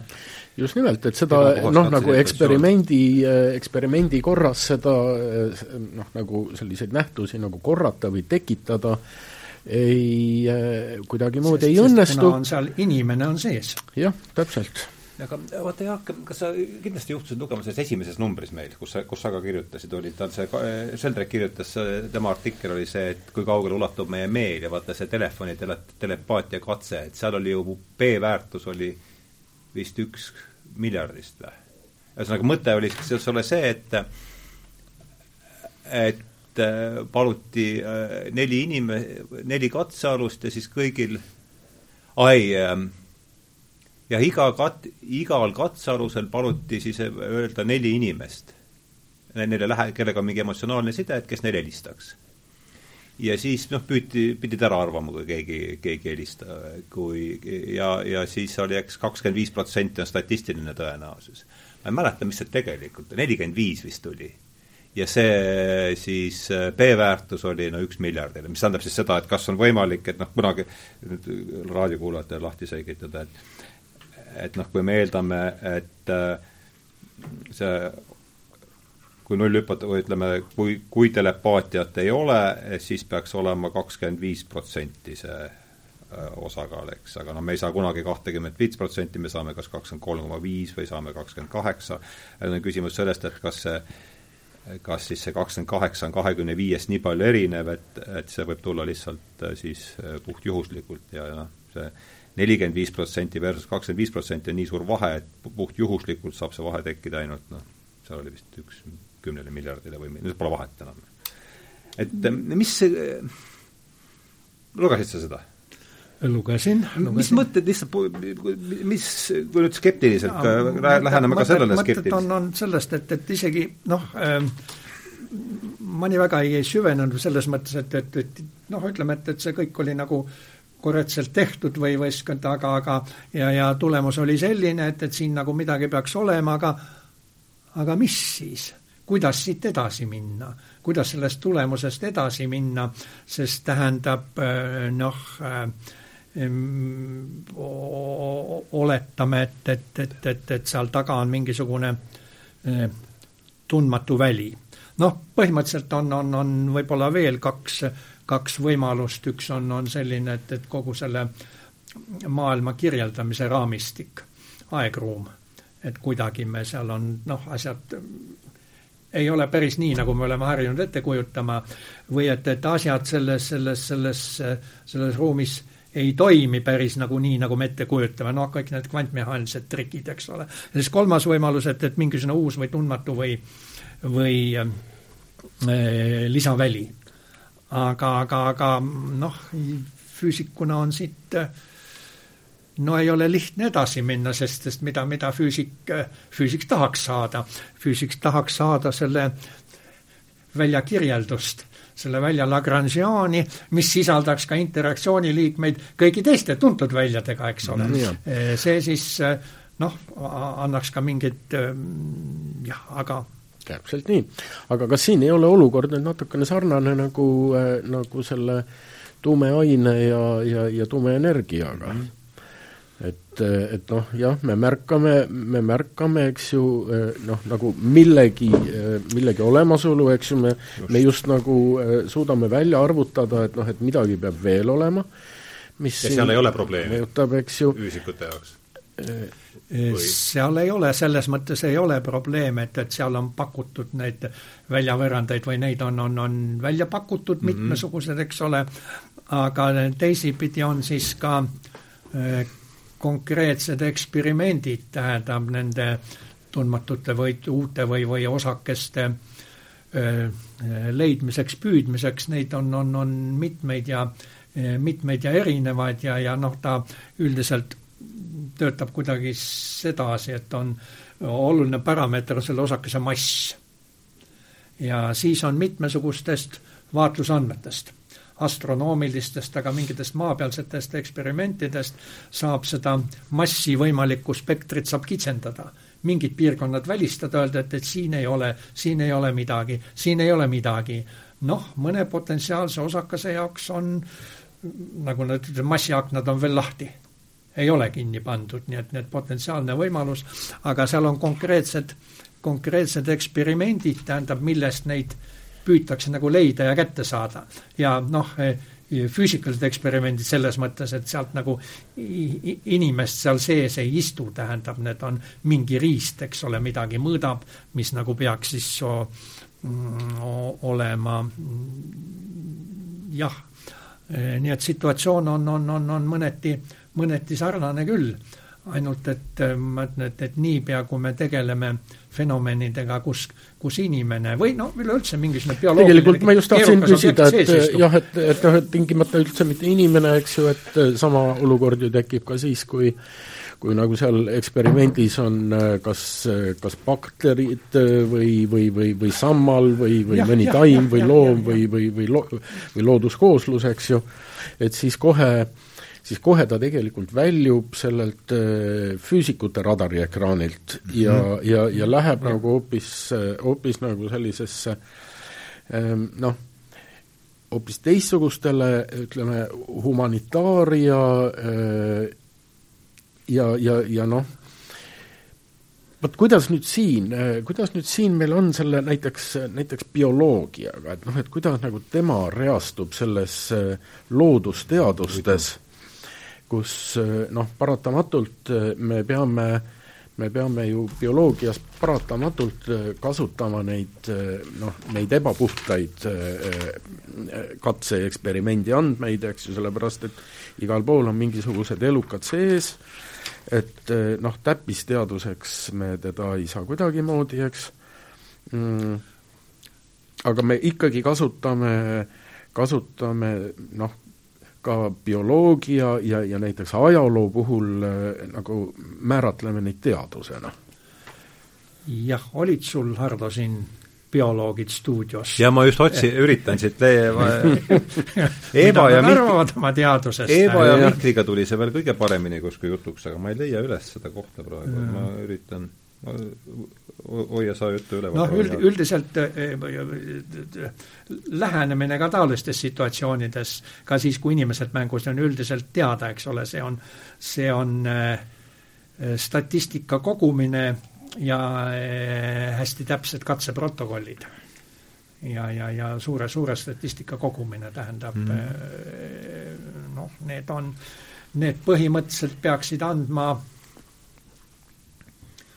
ka kvaliteetse teadustulemuse. ainult et muidugi noh, mahtu, tööde mahtu võib, võib, võib, võib, võib palju olla ja keegi, keegi noh, kindlasti leiavad head inimesed sinu katseprotokollides mingisuguseid lõtketühikuid, et ta-ta-ta ja ütlevad, et ahaa, tänu, tänu sellele sul, sul, sul sellised mm, -hmm. sellised asjad, asjad välja tulid. aga mul, me oleme siin nüüd üle tund viisteist minutit istunud, et et vahel kokku võtta siin, ega siin ma ei leidnudki, see küsimus oli see lause, mida ma otsisin, ega siin noh, ei ole midagi äh, raketiteadust, et bioloogia jääb äh, siis reaalteaduste ja, ja humanitaarteaduste vahele, et äh, noh, jah, eks ta see niisugune piir no nii teda on nii, jah, nii, nii ta on, traditsiooniliselt formuleeritud. aga küll mul tuleb aga meelde, see Sheldrake'i nimi on käinud mitu korda läbi siit ja võib-olla see annab meile jälle mingi teise nurga, et, et ma mäletan ühte juttu või niisugust väikest vestlust, et ma ma küsisin ta käest, et et noh, seda teades juba, et et te ju ei usu või sa ju ei usu, et, et looduse raamat on kirjutatud matemaatika keeles. ja ta ütles, et ei, et tõepoolest ma seda ei usu, et minu arvates on looduse raamat kirjutatud äh, vormide keeles.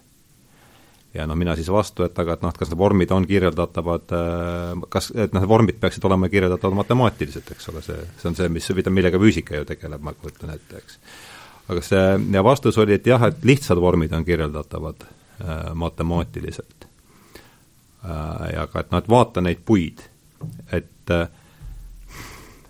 ühegi nende, ühegi nende jaoks ei ole matemaatilist valemit. ja kui oleks, mis mulle eriti meeldis, ja kui isegi, ja isegi kui oleks, et mis mõte seal oleks. et mis äh, noh, ma lihtsalt viskan selle äh, mis on lihtsalt kuidagi, see vestlus on mul jäänud peas tiirlema, et huvitav oleks, et kuidas teie sellega nagu haakuksite, kui üldse? Äh, kõigepealt ma ilmselt pean muidugi vabandama oma vähest, äh, kuidas ma ütlen, kirjaoskust või, sest noh, mina tunnen matemaatikat, eks ole, väljaspool matemaatikat opereerida, et veidike keeruline nüüd, mis on äh, mis matemaatikasse puutub, tähendab, arvamus on seinast seina, tähendab tõepoolest see keel, milles Jumal oma raamatu kirja pani, eks ole, tähendab, on, on, on ka selline, selline vend nagu Max Tegmark, füüsikaga, ka, ka, ka, ka filosoof, tema, temal on see multiversumite teooria. ütle nimi palun veel. Max Tegmark, Max Tegmark mm. -hmm multiversumite teooria enim-, erineva taseme multiversumid ja see kõige kõrgema või, või neljanda taseme multiversum on abstraktsed matemaatilised mudelid ja vormid. aga ta väidab, et need kõik on mingis mõttes kusagil realiseerunud või realiseeruvad kõik see matemaatika, noh, mitte ainult see, mis meie oleme välja mõelnud, aga mida põhimõtteliselt üleüldse võiks, võiks välja mõelda. ja, ja tema, tema väide on, ongi siis, et, et universum on, on oma olemuselt matemaatiline struktuur e, nüüd edasi on, on võib-olla siis veelahe ka seal, et, et, et need inimesed, kellel koolis matemaatikaga hästi läks, ja kellel ei läinud Need on nõus sellega ja, ja, ja no, ja nii edasi. mina, mina pean ka vabandama oma sellist, sellist puudulikku kirjaoskust, sellepärast et äh, mina kuulun nende inimeste hulka, kellel koolis matemaatikaga hästi ei läinud teps. ja mm, mul, mul küll vahepeal see võis kuskil seitsmendas või kaheksandas klassis olla, mul vahepeal hakkas tunduma, et, et matemaatika võib olla mingisugune sümbolkeel mingisugune kood, aga siis, kui ma õpetaja käest eh, selle, selle koodi olemuse kohta küsisin, siis mul paluti tundi mitte segada ja kui ma äh, sellegipoolest edasi segasin, siis mind saadeti ukse taha ja ja ma ei saanudki teada, mis see kood on. mistõttu ma olen siis matemaatiliselt nüüd täiesti kirjaoskamatu. aga, aga sellest ma saan nüüd aru küll, et, et, et noh, et selliseid keerulisi vorme Äh, ja, ja, ja noh, elusorganismid, äh, loodusvormid, äh, need on kahtlemata väga keerulised, et neid ilmselt jah, matemaatiliselt nagu kirjeldada või noh, mingisugusesse valemisse suruda on, on ütlemata keeruline. Ja ja siis ma olen mõelnud niimoodi, et kas, kas nagu see äh, see olukord, kus, kus mingisugune struktuur äh, muutub, äh, äh, muutub juba nii keeruliseks, et ta et ta noh, teatud, teatud sellistesse kirjeldustesse ei mahu, kas, kas, kas nagu selle piiri läheduses ei hakka tekkima kuskil selline asi nagu subjektsus, kas mm, -hmm. kas, kas nagu selle piiri läheduses ei hakkagi mitte tärkama äkki elu ja eluteadvus ja need sellised nähtused. kui sa ütled subjektsus, siis see tähendab teadvust, eks, teadvuse teke. no, no, no need on enam-vähem ju kattu, kattuvad mõisted, eks. no ja. ikka jah, minu meelest küll mm. -hmm. sellisel, minu meelest ka. sellisel mehel nagu John von Neumann, mm -hmm. tegeles ka kvantmehaanika alusküsimustega, ka, ka seal mõnede, mõnede muude asjadega, temal oli selline mõte või arvamus, et, et, et, et piisavalt keerulised süsteemid või struktuurid võivad osutuda iseenda kõige lihtsamaks kirjelduseks. jah. see tähendab see on väga ilus. ei anna lihtsustada kuidagi, tähendab. ütle palun veel. et piisavalt keerulised süsteemid võivad osutuda iseenda kõige lihtsamaks kirjelduseks. päris hea. jah, mhm. see on ilus. piisavalt keerulised süsteemid. ei, võib-olla ühesõnaga päris kihvt. ei ole alust võib-olla loota, et, et seda puud kuidagi lihtsamalt saab kirjeldada, kui see, kui see puu ise on seal, eks ole. jah jah, nii et äh, päris kihvt. aga, aga, aga, aga hmm. nüüd jah, kas või kus on see, see mingisugune kriitiline piir või selle ületamisel või, või, või mis, mis, mis, mis toimub. noh, teine, teine, teine, teine määratlus või, või, või, või piirkond või e, elu tekkeks või eluprotsesside või, või jaoks on see see äh, kaos, kaose ja korra terminites. et, et, et, et, et, et elu on just kusagil seal nende kahe piiri peal, kus ühel pool on, on, on täielik kaos ja teiselt poolt selline väga determineeritud kord. Aga seal vahekihis just võivad toimuda siis mitmesugused huvitavad protsessid, mis ei ole staatilised, nad ajas muutuvad, teisipidi võivad omada küllaltki pikka eluiga, tähendab kesta mingisugust asja, aga siis nad jälle kaovad, muunduvad millekski muuks, noh, mis on nagu elu. aga, aga kuhu piirkonda jäävad sellised äh, struktuurid nagu, kuhu jäävad äh, jah, fraktaalsed struktuurid no,? Äh, fraktaalsed struktuurid oma, oma äh, Nad on ju nagu lõputult komplekssed, lõputult äh, keerulised, aga ja, samas, aga, aga, aga te... samas kirjeldatavad väga, väga lihtsate, väga elementaarsete valemite ole hea, emb-kumb teist kuulajate veel, et fraktaalsed struktuurid paari sõnaga lihtsalt ära mainida, millega tegu on, et no ma arvan, et sina formuleerid seda kõige fraktaalsed struktuurid on siis sellised noh, ruumilised struktuurid, mis on mastaapinvariantsed. see tähendab, et, et, et, et kas sa vaatad neid nüüd suuremas mastaabis või väiksemas mas-, ta on ennast kordav mm. -hmm. ta on ennast kordav, tähendab, see on, te võite, võite lõpmatult sisse zoom ida, ütleme, ja te näete ikka, ikka samused ujuvad sealt alt välja järjest, järjest uued ja peenemad, aga nad kordavad seda, mida, mida, mida varem on nähtud. kas see haakub natuke, kuidas, või kuidas, kas see haakub, kuidas see haakub nüüd selle Köstleri holonite ja holarhia selle, selle mm. jään vastuse võldu. või see on, ma saan aru, see printsi, et ähm, no tead, see iseenesest on ju mõte saa-, et, et äh, kude või tähendab, rakk koosneb millest ta koosneb, molekulidest, eks, kude koosneb rakkudest, organ koosneb äh, siis äh, kudedest ja, ja, ja nii edasi, et noh, see no looduses, looduses ikkagi on see struktuuritasemete hierarhia struktuuritasemete hierarhia siiski, tähendab, ta ei ole nii allapoole minnes, no ja ka, ka ülespoole minnes, tähendab, ta on, fraktal on põhimõtteliselt ju lõpmatu kordumine, mastaapide lõpmatu kordumine. fraktal on mastaapide lõputu kordumine. Jah.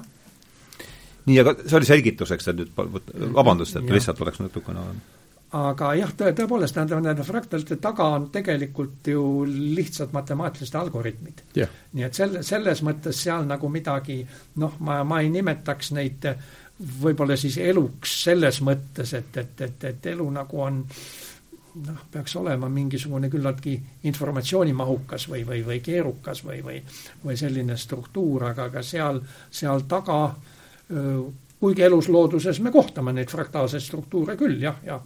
kohtame, kohtame. kusjuures noh, vot need fraktaalsed struktuurid eluslooduses, kus me leiame fraktaalseid struktuure? no kas või näiteks äh, sõnajalg, äh, mida ma alguses mm, -hmm, alguses mainisin, eks ju, noh, sõnajallas ju, ju kordub sellises väiksemas astmes, eks ju, see mm, no ütleme, noh, lehekuju, eks ju, mis järjest aheneb mm, -hmm. ja samas, kui me vaatame Äh, kui me vaatame nüüd nagu seda ühte üksiklehte, eks ju, ja, ja, ja läheme seal lähemale, eks ju, siis seal tegelikult see asi kordub, äh, veel, veel, veel, veel paremini on seda näha näiteks linnusules, eks ju, kus selle sule roo külge kinnituvad nagu äh, Äh, noh, esimese, esimese astme hargnemised, selle küljest tulevad teise astme mm -hmm. hargnemised, edasi kolmanda. asjad nagu brookoli näiteks ja mõned muud sellised kap-, kapsalaadsed asjad. Mm, lillkapsas ja, näiteks, eks ju. ja, ja, ja selliseid, selliseid struktuure me looduses tegelikult lõputult. leiame, leiame küllaltki palju. ja, ja, ja minu noh, ühesõnaga nendel, nendel äh, frak-, mentaalsetel struktuuridel, nendel on niisugune, niisugune arhetüüpne iseloom mu meelest, sest noh, teisiti ma ei oska näiteks seletada seda, et, et kunagi lapsena kuskil kümne, kuskil täpselt kümneaastasena operatsiooni ajal, kus mulle tehti eetrinarkoosi, muutus operatsioonilambi see hõõgniit hakkas võnkuma, siis äh, muutus nagu negatiivseks, äh, nagu mustaks ja muutis oma kuju, muutus selliseks lumememmekujuliseks asjaks ja mind imeti selle sisse ja tegelikult see noh, operatsiooni ähm, noh, operatsiooni kulg oligi minu jaoks selline lõputusse fraktalisse sisse suumimine. ja see lumememmekujuline figuur, milleks see lambi hõõgniit muutus, see oli nüüd täpselt selle Mandelbroti fraktali niisugune esimene eh, noh, nagu see esmakujutis, eks ju, mille ta, eh, mille ta oma arvutilt välja printis. kas sa selle operatsiooni ajal olid juba tuttav Mandelbroti fraktaliga? ei, ma ei olnud selle operatsiooni ajal tuttav Mandelbroti fraktaliga ja mis on veel nagu kõige olulisem, eh, Mandelbrot laskis oma fraktali välja äh, esimest korda oma printerist eh, kuskil kas kuus või seitse aastat pärast seda mainitud operatsiooni mm. -hmm. millest ma, eh, millest ma järeldan, et, eh, et fraktaalsed struktuurid, nendel on kindlasti arhetüüpne iseloom, sellepärast et noh, ilma selleta ei oleks ju saanud see muster mu teadvusesse kuidagimoodi tekkida kui siin mõni vastav ajakirjanik kulgeks, siis võiks lugeda varsti suurepärast artiklit, et kunstnik Peeter Laurits nägi ette Rattali sündi kuus aastat enne. just nii Manders, mis ta, Mandelbroti süüdistatakse Benoit, Benoit Mandelbrot. süüdistatakse plagiaadis aga, aga Laurits süüdistab Angelbot ja plagiaadis. aga muuseas, tõsi mis tõsi, äh, see oli nüüd küll üks, äh, üks kummaline elamus mul, kui ma paarkümmend aastat hiljem äh, Kopenhaageni Tivolis, seal oli Tivoli pargis on, seal on mitte, mitte fraktali, vaid oh issand, ma ei saa nüüd ütelda, hologrammimuuseum mm. -hmm ja, ja, ja ma läksin sinna hologrammi muuseumisse ja siis seal ühe järjekordse imeasjana äh, näidati videofilmi Zooming, mis oligi sellesse Mandelbroti äh, fraktalisse sisse suumimine.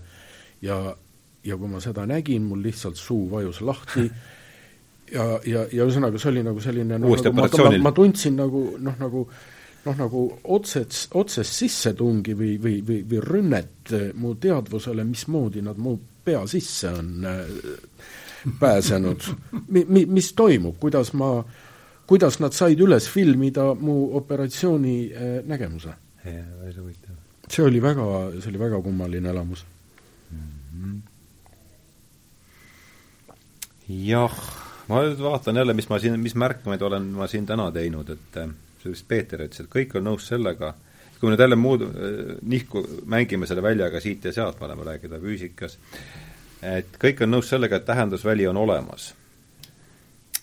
aga ma ei tea, ma äh, ikka jälle aeg-ajalt mõtlen tagasi Monika Levenski afääri peale. ja, ja seal küsiti, noh, Bill Clintoni käest küsiti väga konkreetne küsimus selles, äh, ma ei tea, ma ei mäleta täpselt seda sõnast, ma ei mäleta küsimuse sõnastust, küll ma mäletan Clintoni vastuse äh, sõnastust, et it depends on the meaning of the word is. Et mis ta tähendab äh, olemas olema ikkagi, kas me lõpuks, meil on siin jäänud pool tundi, meil on jäänud pool tundi aega, et äh, et mulle tundub, et äh, kui me nüüd oleme, võtame väga selgelt kaasaegse füüsikalise maailmapildi, siis ma ei oleks üldse, ma ei ole üldse kindel, et ma siin äh, Peetriga nõustun, mitte et ma oleks ka kaasaegse füüsikalise maailmapildi pooldaja äh, või ma usuksin sellesse. aga kui ma sellesse tõsikindlalt usuksin, siis ma ütleksin, et Peetri väide on vähemasti kahtlane, et kus me ei saa tähendusväljale panna ju nihikut külge, järelikult me teda mõõta ei saa. me teda mõõta mõõta me teda matsiliselt ei saa, järelikult äh, on ta parimal juhul luul. mulle, mulle tundub, et ma olen selles osas äh, noh, natukene kergemas olukorras kui äh, matemaatikat oskavad inimesed või, või, või füüsikud, sellepärast et ma ei oskagi nagu olemasolemist kirjeldada kuidagi, kuidagi teisiti kui empiirika abil mm. -hmm. ja, ja, ja mis nüüd nagu sellesse empiirilisusesse äh, puutub, siis ma olen äh, siinkohal ka sinuga nõus, et see täiesti vabalt võibki olla luul ühesõnaga kogu, kogu see maailm, kus me, kus me elame Vishnu unenägu. just nimelt, eks ju, võib, võib ollagi noh, samasugune äh, samasugune niisugune luulude tuisk äh, nagu äh,, nagu nähtav äh,, nagu nähtav footonid, maailm on, on, on footonite tuisk mm. -hmm. Mm -hmm.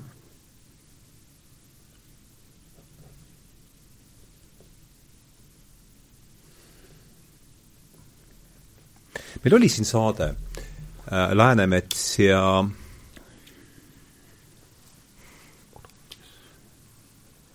oligi pealkiri oli Vishnu, Vishnu unenägu, et äh, eile ta oli seal, läks selle peale mõte nagu tagasi, et et noh, see on nüüd alternatiivne, ütleme, kui me võtame kaasaegse füüsikalise maailmapildi, Galileo, et, et kui on, saa, saab numbri külge panna, on olemas, ei saa numbrit külge panna, ei ole olemas. et ähm, et see, ütleme, India kosmoloogia või mütoloogia on selgelt e-, erinev reaalsusele vaatab, me vaatame reaalsusele läbi teiste, teiste, teiste prillide, eks, või noh, nemad vaatavad. et mida tähe-, et lihtsalt laseme siin kujutlusvõimel niimoodi rändada, mida tähendaks et no kui me peaksime kirjutama näiteks pool lehekülge kõik siin, et mida tähendaks elamine Vishnu unenäos? et mida, mida nad võivad seda all üldse mõelda, ma ei, meil läks seal midagi Ediga ka juhtus, nii et ma, ega mul mul ei tule sealt saatest otseselt midagi praegu meelde, me küll me seal uurisime seda ühe teise kandi pealt, aga mis see mida rääkis too füüsik, vaata, sa ütlesid kaheksa aastat tagasi, et see võib-olla viib meid siin, Nature'is ilmus see teadvuse lugu, et kas Aa, vaatame, kas, kas, kas me, kas me näeme seda.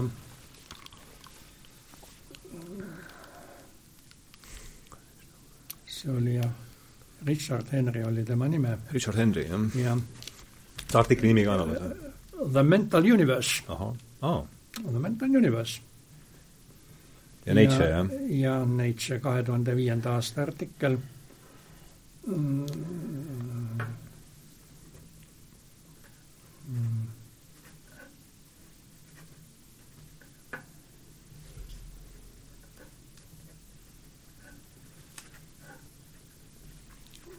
Nojah, tähendab, siin ta räägib sellest äh, lainefunktsiooni kollapsist ka siis, siis kvantmehaanika alustest ja, ja ja lõpuks, et see the universe is immaterial, mental and spiritual, vaimne ja, ja, ja nojah, mentaalne ja vaimne mm. -hmm. ela ja naudi, live and enjoy aa, see on sellele vastav eetika siis, jah? jah, jah, jah, jah. väga huvitav.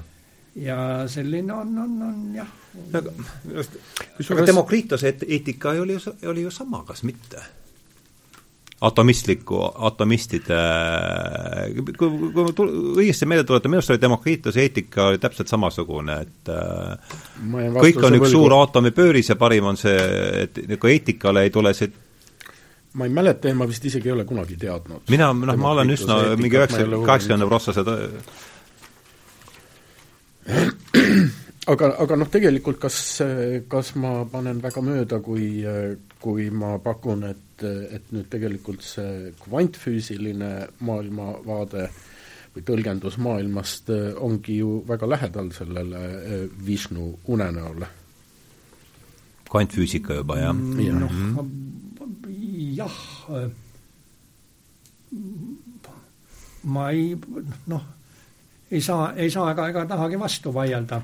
aga teisipidi on ka see, see asi, et, et, et ega see teadmine mul nüüd kvantfüüsikat ka väga palju edasi ei vii. ei vii jah ja., ei vii äh, küll aga see, küll aga nagu see, noh, nende mõtete edasi, edasimõtlemine võib, äh, võib nagu noh, teisipidi inspireeriv olla, Fritjof Capra ju kunagi kas seitsmekümnendatel või kaheksakümnendatel kirjutas sellise raamatu nagu The Tao of Physics. Um, noh, mis äh, oled sa lugenud nagu,, oled sa lugenud ka seda või? olen, olen, ja, ja, ja ma olen, ma olen, ma olen veel paari äh, jaa, see oli väga, see oli väga huvitav, väga, väga inspireeriv. Ja noh, ta tegelikult äh, noh, nagu kõrvutas selliseid paljusid äh, paljusid erinevaid äh, nagu mütoloogilisi äh, ja, ja, ja usundilisi motiive. Äh, noh, nagu erinevatest äh, müstikatest pärit äh, motiive, siis noh, mingisuguste, mingisuguste vastavate avastuste või tõdemustega sellest kaasaegsest füüsikast ja ja mm, ütleme, minu jaoks kunstnikuna ta oli, ta oli hästi inspireeriv. -hmm. mitte, et ta nüüd oleks noh, mind milleski nagu veennud või noh, ühesõnaga, et et noh, ta ei äh, ta ei, ta ei esitanud ja see polnudki vist nagu selle raamatu eesmärk, nagu esitada mingisugust noh, uut maailmakirjeldust või paika panna, et tegelikult on hoopis nii. aga, aga selline noh, nagu uute seoste loomine, see on mind eluaeg, eluaeg erutanud ja ja ma pean sellest erutusest väga lugu aga ma arvaks, et, et, et, et selles vallas või, või sellist noh, maailma, kuidas ma nüüd ütlen, filosoofilisema või, või, või, või, või mõtestamise mõttes oldi juba päris vanasti päris heal tasemel mm. -hmm. ja siin, siin ütleme see, see, kui, kui päris konkreetse äh, konkreetse äh, ratsionaalse teaduse plaanis on areng olnud viimastel aegadel, ta on olnud väga kiire, aga siis mingis, mingis üldisema filosoofilise mõtestamise plaanis ei ole tal üldsegi võib-olla niimoodi, noh, äh, on, on, on väga, väga nutikad olid nad juba, juba äh, juba vanadel aegadel, noh, võib, võib muidugi mõelda, et, et, et, et pikalt oli mõeldud juba selleks ajaks. kust, kust, kust nad selle tarkuse küll said või, või, või noh, võib-olla rahulik pikk mõtisklemine mm. tähendab e, oli aega nutitelefon ei seganud. viibki e,, viibki sind e, e, selleni välja, jah. aga jah mina olen mulle täpselt tulid siin vahepeal vastu hoopis tuli selline mees nagu öö, inglise ulmekirjanik, vaikselt filosoof Arthur Clarke. oo oh, jah. ja temal, temal on niinimetatud asjad, mida Clarke'i kolmeks seaduseks kutsutakse ja mis ta eluaastad umbes on, umbes? tema on nüüd jah, tema on nüüd juba manala mees, aga kahe, kahekümnes sajand? ja, ja, ja, ja, ja, ja. mina ei ole kuulnud sellest ja, ja, ja, ja. nii, palun. ja need on, on esimene mulle, nad kõik on päris head, et, et kõigepealt see, et, et, et kui, kui selline etableerunud, aga juba vanem teadlane ütleb, et eh, miski on võimalik, see on ta enamasti õigus. kui ta ütleb, miski ei ole võimalik, siis ta enamasti eksib teine, teine, teine on see, et, et, et, et ainus, ainus võimalus, ainus võimalus eh, võimalikkuse piiride kompamiseks on nendest pisut üle minna. -hmm. ja, ja, ja, ja kolmas noh, ka tähendab, et, et, et, et iga, iga piisavalt arenenud tehnoloogia on eristamatu maagiast päris hea. ja, ja, ja, ja. Jah ja see mul tuletab, tuleb just meelde see, sa küll viitasid selle raamatute põletamisele, aga kui oli, mis ta nüüd oli, Maddox kirjutas kaheksakümne teise aasta Nature juhtkirjas, äh, et Sheldrake'i raamat tuleks ära põletada, siis oligi, süüdistus oli maagias sisuliselt. et see ei ole, see ei ole mhm. teadus, vaid äh, maagia, mida, mida kodanik seal äh, viljeleb. just, ja, ja noh, maagia, eks ju, mis asi on, mis asi on maagia, maagia on ju, on ju äh, nagu maailma mõjutamine, aga, aga sellisel kombel jällegi, kus me, kus me nagu seda koodi täpselt ei näe või ei, ei saa aru, kuidas see eh,, kuidas see mõju toimub eh,, seega tegelikult võib eh, südamerahuga eh, väga suurt osa kunstist või, või, või, või kunsti kui sellist Maagiaks. samuti, samuti süüdistada maagias. ei no aga Newton pidas ennast ju ise maagiks nii, nii vähe, kui mina seda ja. tema eluga kursis olen, ma ei tea, Jaak, mis sa sellest no ja, ja, ja, ja alkeemia ja, ja kõik, kõik, kõik need tema, tema noh, lisaks sellele, et ta, ta Inglise rahapada juhtis või, või, või see on no. suurepärane, suurepärane kombinatsioon oleks tänapäeva teadlase jaoks olnud. just nimelt, jah. jah. no nii, meil on teki-, jäänud siin siis ütleme kusagil võib-olla katsuks paarikümne minutiga jutu siis vedada kodusadamasse, et äh, väga huvitav on. väljast, väljast välja saada, ei, välja ei saa väljast, nagu me rääkisime, eks ole, aga väga, väga põnev on olnud teiega siin, aga et äh, väli siis no,. viimase teema viskaks veel üles, no me oleme siin, need mo-, needsamad morfogeneetilised väljad, et kuidas need, äh, mis no ega küsimus on, eks ole, see, et kustast tuleb see, kuidas oskab tammetõru, kuidas tammetõrust hakkab tamm kasvama? jah, ja miks, ja miks käsi kasvab käeks, aga mitte jalaks, kuigi tema ütleme noh, käerakkude geneetiline koostis on ju täpselt samasugune nagu, nagu jalarakkudegi oma, eks. ja ja miks kasvab ühest ahv ja teisest inimene, kuigi noh, see kõik, mis see tellised on samasugused ju jah, spermatosoidid äh, on äravahetamiseni sarnased, mõlemal on saba taga. jah.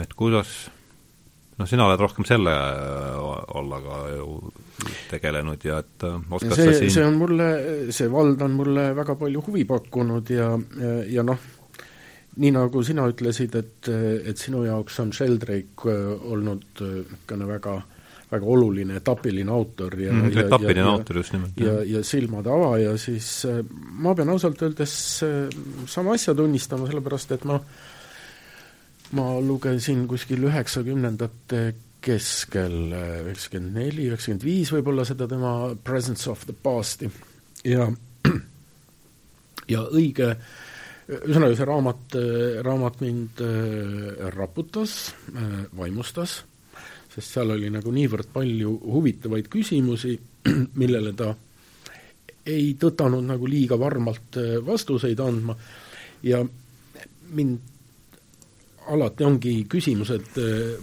erutanud rohkem kui vastused. ja ja siis mõni aasta hiljem ma äh, kolisin üldse ära Tallinnast ja elasin kaksteist aastat metsas Kütiorus. sellest sa rääkisid seal ja selles, jah. just ja kogu selle, kogu selle aja nagu eh, noh, need Sheldrake'i käivitatud mõtted mind äh, nagu kogu aeg nagu liikvel hoidsid. ja, ja siin nüüd on, siin nüüd on jah, sellised, sellised veidrad, veidrad asjad, et et noh, et kui me nagu eeldame äh, nii nagu ortodoksne tarvinism ütleb, et äh, äh, et noh, evolutsioon nagu toetub juhuslikele mutatsioonidele, eks ju, et need mutatsioonid on nagu äh, rangelt juhuslikud mm, -hmm. äh, siis äh, noh, see on väga raske äh,, raske nagu seletada seda, miks äh, mm, miks me ei näe nagu sellist juhuslikkust, kus äh, noh, kus ongi nagu inimesele või mõnele loomale, eks ju, käte asemel kasvanud jalad ja jalgade asemel käed näiteks. Või, või et noh, et miks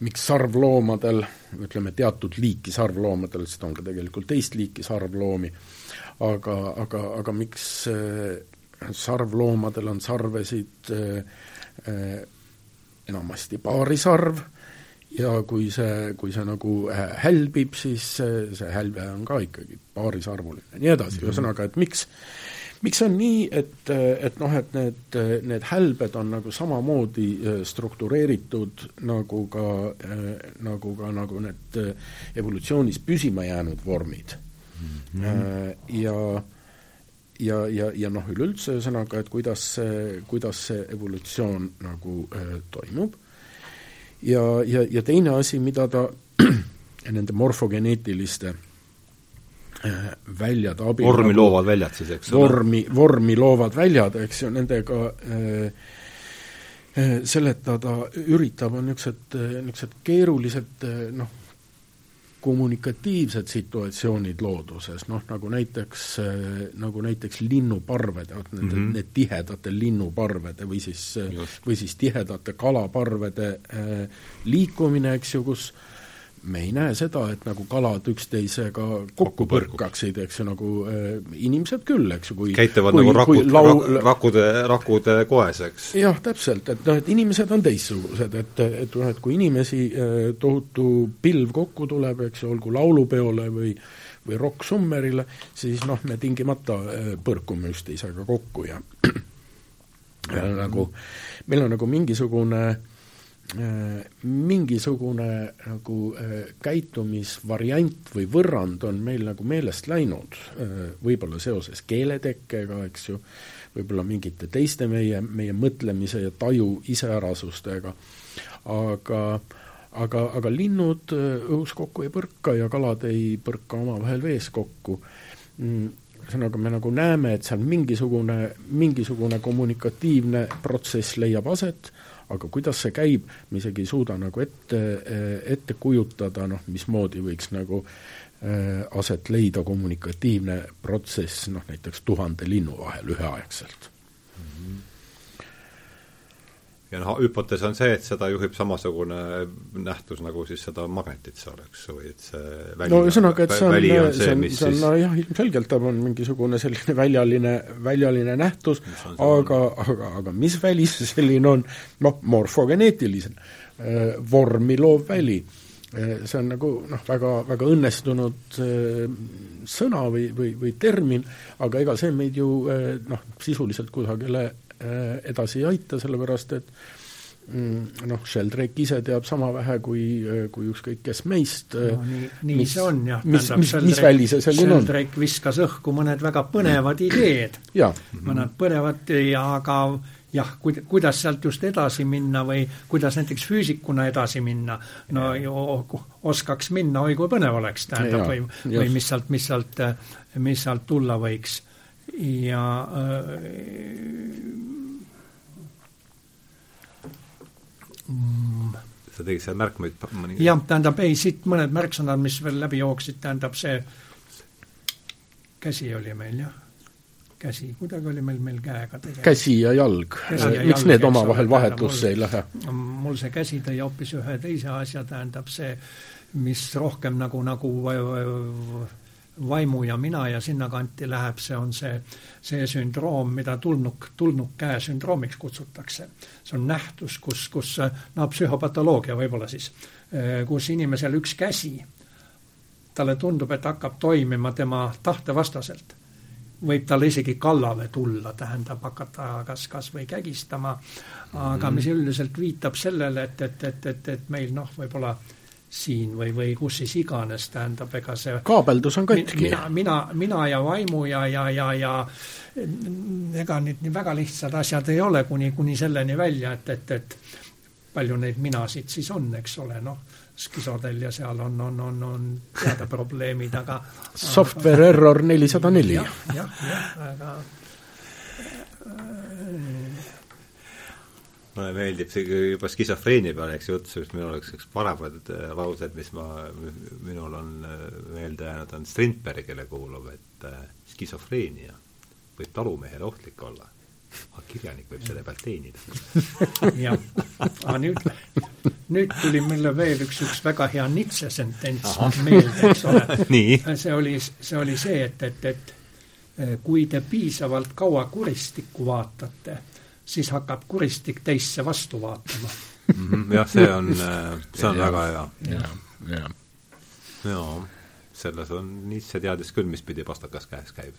selles ei ole, ei ole kas see, kas, kas see ei olegi mitte lause, millega nagu väljast äh, rääkimine niimoodi ilusasti kokku võtta? aga võib-olla tõesti jah, et Nietzsche, see on tõesti, et ega siin, kui me siin veel kümme minutit edasi jahvatame, võib-olla tuleme, leiame veel parema lause, aga see tõenäosus võib-olla ei ole enam isegi väga, väga suur, et see on tõesti,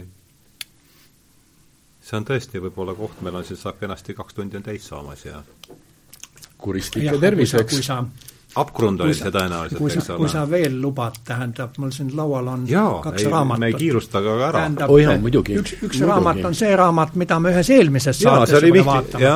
see on Ivar Piiri füüsika ajalugu. kas ja on pilte ole, ka sees on? seda on, pilte on, on, on, on vist enam praktiliselt ei ole. aa, tähendab, jah.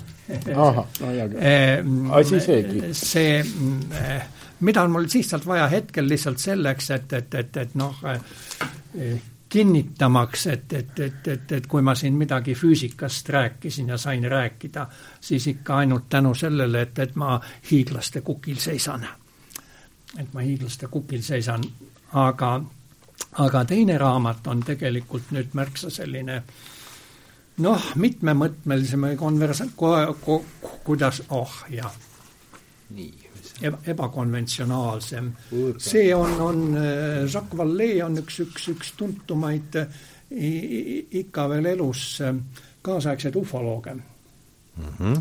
aga seda raamatut oi, mul näib, et teda on palju loetud, ta on selline kapsalaadne, aga, aga mitte sellest, tähendab, sellest raamatust hetkel on mul vajalik ainult tema, tema pühendus.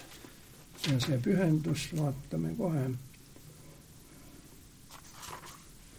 et ta on selle raamatu pühendanud oma õpetajale ja, ja ühele teisele astronoomile, astronoomile ka ufoloogile, Allan Heinekile. ja ta kirjutab, et, et, et, et teadlasena oli ta esimene, kes taipas selle probleemi tähtsust.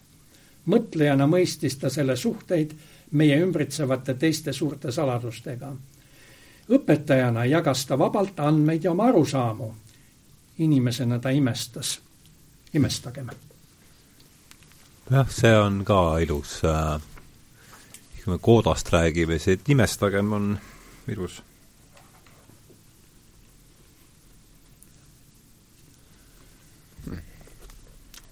sest kuniks on, kuniks on põhjust imestada, on ju ka mõtet elada tegelikult. Jah, ja see to, tegelikult toob kenasti meid tagasi ka selle vestluse algusesse, kus mina selgitasin, kus, mis konteksti see mulle asetab, et seesama loeng, kus see mõte tuli, oli, kandis ju see looduse taashingestamise püü-, püüust ja see, ma arvan, et see imestamine on seal ju ilmselt üks suur, suur, suur osa sellest ja, ja oli siis veel kord alguses välja öeldud mõte, et on see kolm suurt hoovust, mis meid selle looduse taashingestamise poole, see on jälle üks Sheldrake'ilt laenatud. Mõte, et on kolm suurt hoovust, mis meid kannavad praegu siis äh, looduse taashingestamise poole, üks on siis väljakontsepti areng, sellest täna alustasime, rääkisime siin kõikidest asjadest, aga see hoidis ikkagi kuidagi seda jutuajamist koos, et Michael Faraday oli siis see esimene, kes kaasaegsesse füüsikasse tõi selle mõiste. teine oli siis arengud psühholoogias ja kolmas revolutsioon teoloogias, need on siis veel kord äh, Sheldrake'i järgi need kolm hoovust, mis meid siis lükkavad eemale praegu sellest äh, kuidas siis öelda, reduktsionistlikust maailmavaatest vähe terviklikuma elu käsi-, käsitluse poole võib-olla. Ja täna me tegelesime neist siis äh, ühega väljakontsepti arenguga ja tõenäoliselt lähenevates, lähemal ajal vaatame ka ülejäänud äh, kahte, et ma tänan teid väga, mul oli see väga selt-, väga punkt üks meeldiv, punkt kaks hariv ja punkt kolm lihtsalt vahva juttu ajada, et aitäh, Jaak, aitäh, Peeter! ma tahtsin ka tänada, väga, väga inspireeriv oli. jah, et äh, aitäh, et äh, kes te meid kuulate ja aitäh, kes on selle võimalikuks teinud, et niisugused asjad on, et siin on ka jällegi imestamise koht, et niisugune asi üldse võimalik on. aitäh ja järgmiste kohtumiste!